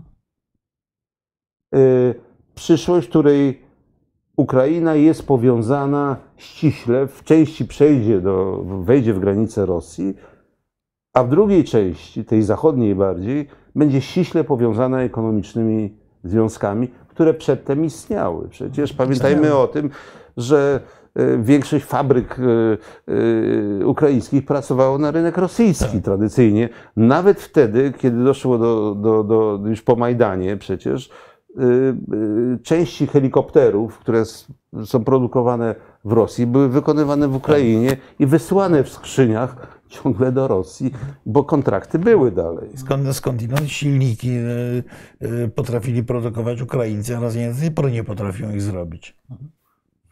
Więc Słuchajcie, ale Tutaj y, jeszcze- by, były, były, były dwa pytania. Jedno było pytanie istotne, to, to co podniosłeś wcześniej o, o ten Belgrad, Kosowo y, i tak dalej. No, ja przypominam, że to jest kompletnie inny przypadek, że Kosowo oddzieliło się po długim konflikcie wewnętrznym od Serbii, ale Kosowo miało status, czy Kosowo było powiedzmy porównywalne trochę z Krymem. Bo rzeczywiście większość albańska, y, status republiki autonomicznej i tak dalej, a bombardowania Belgradu wzięły się stąd, że y, Serbowie parę razy mieli doświadczenie no, takie na pograniczu ludobójczym kolejnych konfliktów w byłej Jugosławii, więc było, y, było to działanie o charakterze No, doświadczenie to delikatne.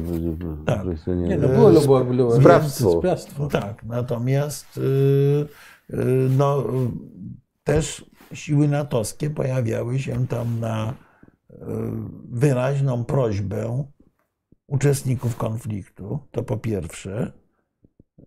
Obrona No i pod egidą ONZ-u i jednak. pod, pod egidą Z mandatem ONZ-u, ONZ-owskim. z mandatem ONZ-owskim.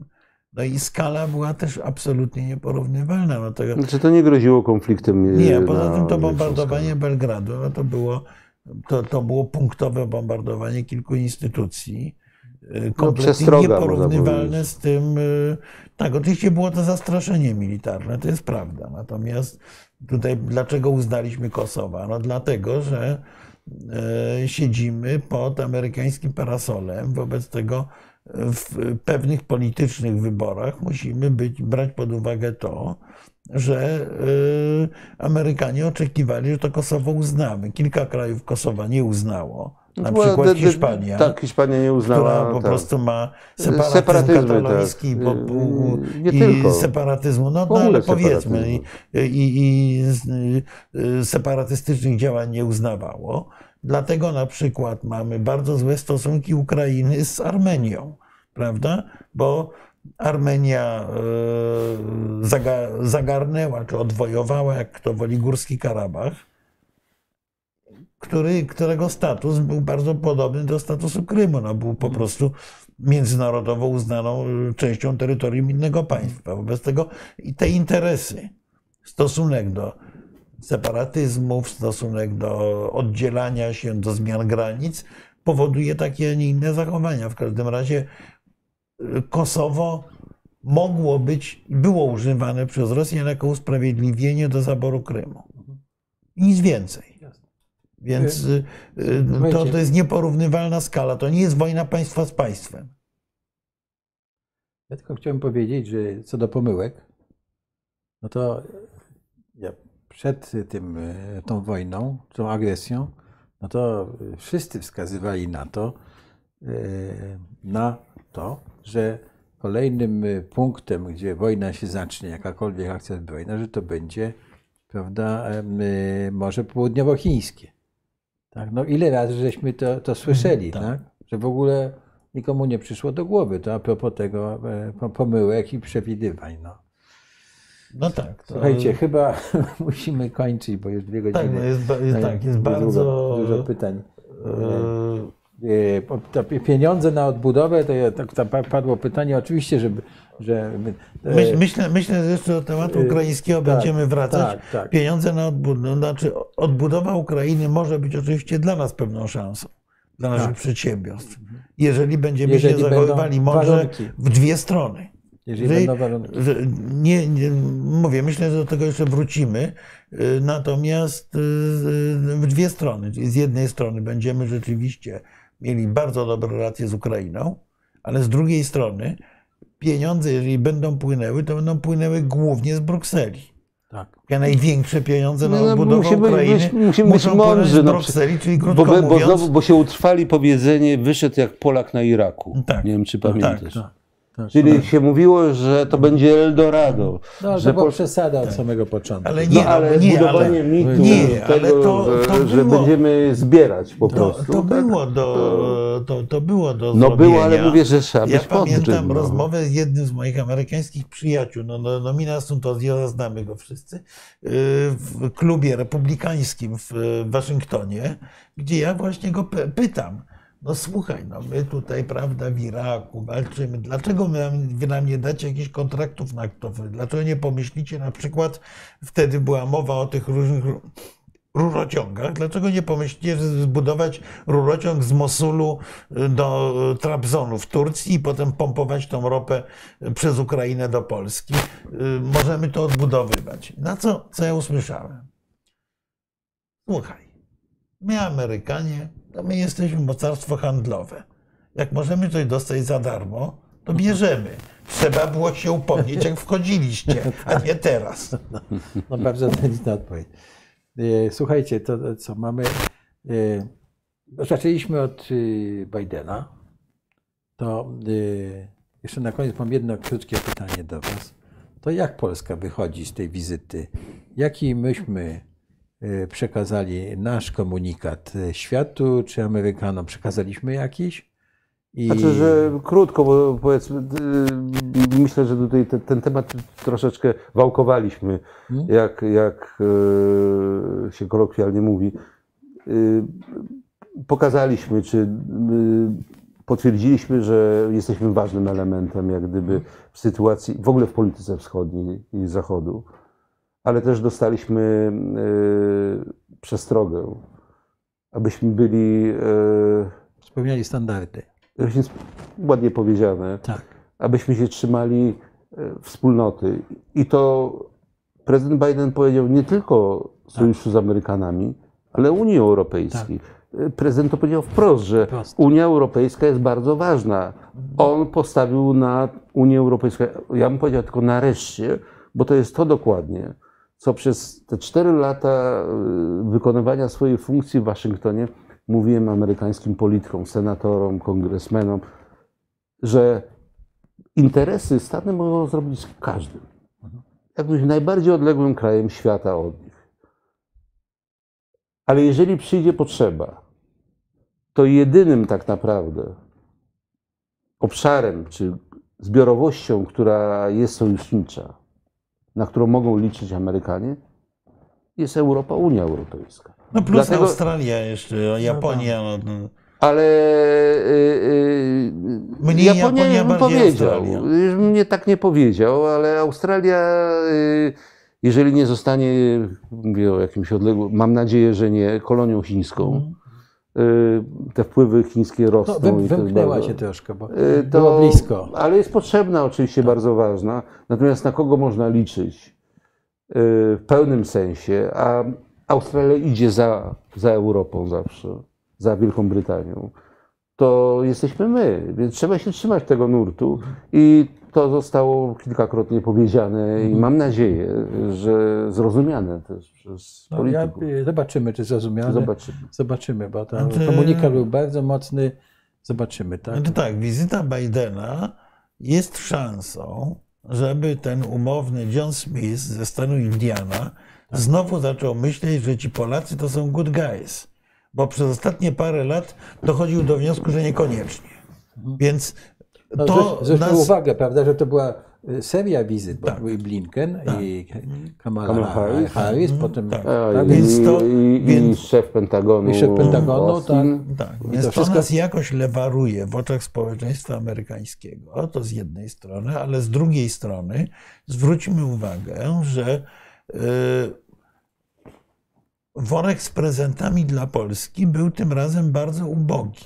Że myśmy raczej dostali promesę prezentów niż prezenty w tej chwili, co oznacza, że partnerzy amerykańscy po, postrzegają ze względów geograficznych i ze względu na y, postawę Polaków wobec Ukrainy, Polskę jako potencjalnie bardzo ważnego y, partnera, ale będą nam bardzo patrzyli na ręce, czy nie wracają te tendencje, które przez parę lat Polskę od Ameryki oddalały, bo nawet w okresie trumpowskim, bądźmy szczerzy, to była polityka mm, wobec Trumpa, nie wobec Stanów Zjednoczonych.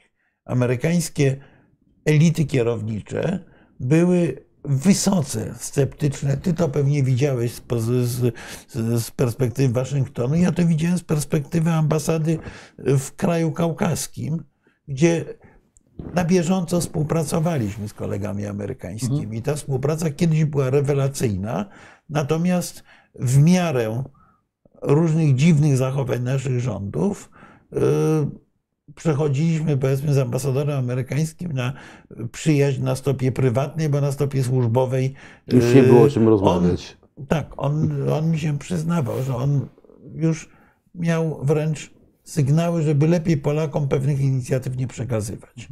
Taka była różnica. W tej chwili dostaliśmy gigantyczną szansę, żeby to odkręcić. Ale to jest, to jest dopiero papier pod tytułem promesa, Tak. a nie jeszcze odkręcenie. Mi się wydaje, ze strony Amerykanów było też e, komunikatem, było spotkanie z NGO-sami przecież, tak? Bo e, NGO-sy no to są instytucje e, e, e, społeczeństwa obywatelskiego, prawda? I Więc- zaproszenie i- samorządowców. I, i zaproszenie Oczywiście, samorządowców. Tak oczywiście. tych sygnałów jeszcze było bardzo dużo tutaj. Także jestem bardzo ciekaw, czy. Sk- skądinąd bardzo ciekawą, tak już zupełnie marginalnie, e, zupełnie e, bardzo, no tutaj e, pan dump guys, guys, a nie good guys, no, nie, nieprawda.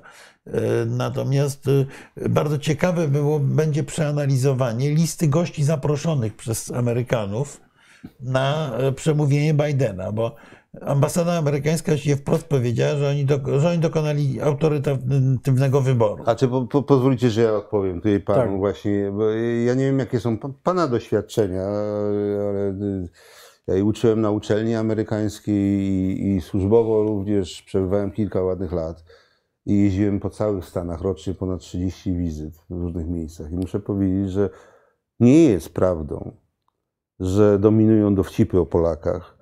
Tak, bo te same dowcipy przedtem były o Irlandczykach, a przedtem były jeszcze o innych nacjach. To jest po prostu kalka taka, która jest powtarzana. Natomiast generalnie e, wizerunek Polaka w Stanach Zjednoczonych jest bardzo pozytywny. Bo większość Polaków to nie jest krzykliwa jakaś tam e, e, e, grupka, która w Chicago czy w Nowym Jorku po prostu mówi my, Polacy, my jesteśmy tylko nic po angielsku, nic nie i tylko na budowie i coś tam. To jest nieprawda. W każdym najmniejszym mieście, miasteczku amerykańskim są Polacy i bardzo często są to ludzie właśnie, którzy pojechali robić kariery zawodowe. To są lekarze, inżynierowie, biznesmeni, profesorowie uczelni. Tylko, że oni pojechali za dobrymi kontraktami, bo przystosowali się do amerykańskiego życia i postanowili wtopić się w nie. Ich nie widzimy na co dzień na e, jakichś tam e, demonstracjach poparcia na przykład. Ale bywają już na paradzie Pułaskiego czasami, część przynajmniej z nich. No, To, ale to głównie Nowy Jork i tak. małe delegacje. To ci, Tak. którzy wciąż są zaangażowani. Tak. Ale większość Polaków po prostu pracuje, Tak. buduje swoje kariery, wychowuje swoje dzieci. A, I tak jak ja widziałem i na Florydzie, i w stanie Washington. I, No, Kalifornia i, jest i- świetnym przykładem. Kalifornia, ale, ale, ale wszędzie, dosłownie. Włącznie z Polonią w Alabamie, w Birmingham, pamiętam Tak. wizytę, rewelacyjna. Bardzo zamożna Polonia zresztą. Podobnie w Tennessee, w Memphis czy, świetnie czy, czy w tak Knoxville. dalej. Wykształcona. Jest nie, tylko nie, to tylko, są ludzie, nie którzy... tylko Greenpoint i Chicago. no. Nie, pojechali za kontraktami, Tak. bo oni zdobyli już doświadczenie, oni porozumiewali się i dostali propozycje, występowali w jakichś konkursach, e, zaczęli budować swoje życie. Cała olbrzymia w tej chwili część Polonii, tej, która zrobiła jakieś kariery, która się wyprowadziła z zimnego i wietrznego Chicago, pojechali do Phoenix w, w Arizonie, Tak. bo tam jest klimat i tam za ten apartament, który mieli w, w, w, e, Chicago, to kupili piękny dom z basenem i w dobrym klimacie. Dobrze, czyli żeśmy, żeśmy Duża paleta. Tak, duża paleta, żeśmy powiedzieli teraz, jaki komunikat otrzymaliśmy. Zobaczymy, co, co dalej e, z tym e, zrobimy. Tak? E, No. Znaczy tak, znaczy, używając języka tenisowego, no to można powiedzieć, że e, bardzo ładnie zaserwowano nam piłkę. Jak ją odegramy, zobaczymy. Proszę Państwa, kończymy. Tak? Słuchajcie, bardzo Wam dziękuję. Ryszard Sznep, Dziękuję bardzo. Nowakowski. Stowarzyszenie Euroatlantyckie, ja, Piotr Szczepański, Bardzo Wszechnica dziękujemy. I, i do zobaczenia. Dziękujemy Państwu za zobaczenia. Bardzo dynamiczną dyskusję. Tak. Tak. Odpowiedzieliśmy tylko na niektóre pytania, ale tak szybko Tak. przebiegały, że niektóre, niektórych prawie nie zauważyliśmy. Tak, y, no i do tych problemów wrócimy. Zresztą kiedyś obiecaliśmy, Tak. że spiszemy pytania i zrobimy specjalne e, sesje odpowiedzi. Dobry pomysł. Tak. Dobry pomysł. Także Dobranoc, do- dziękuję. Dobranoc, dziękuję Dziękujemy. bardzo.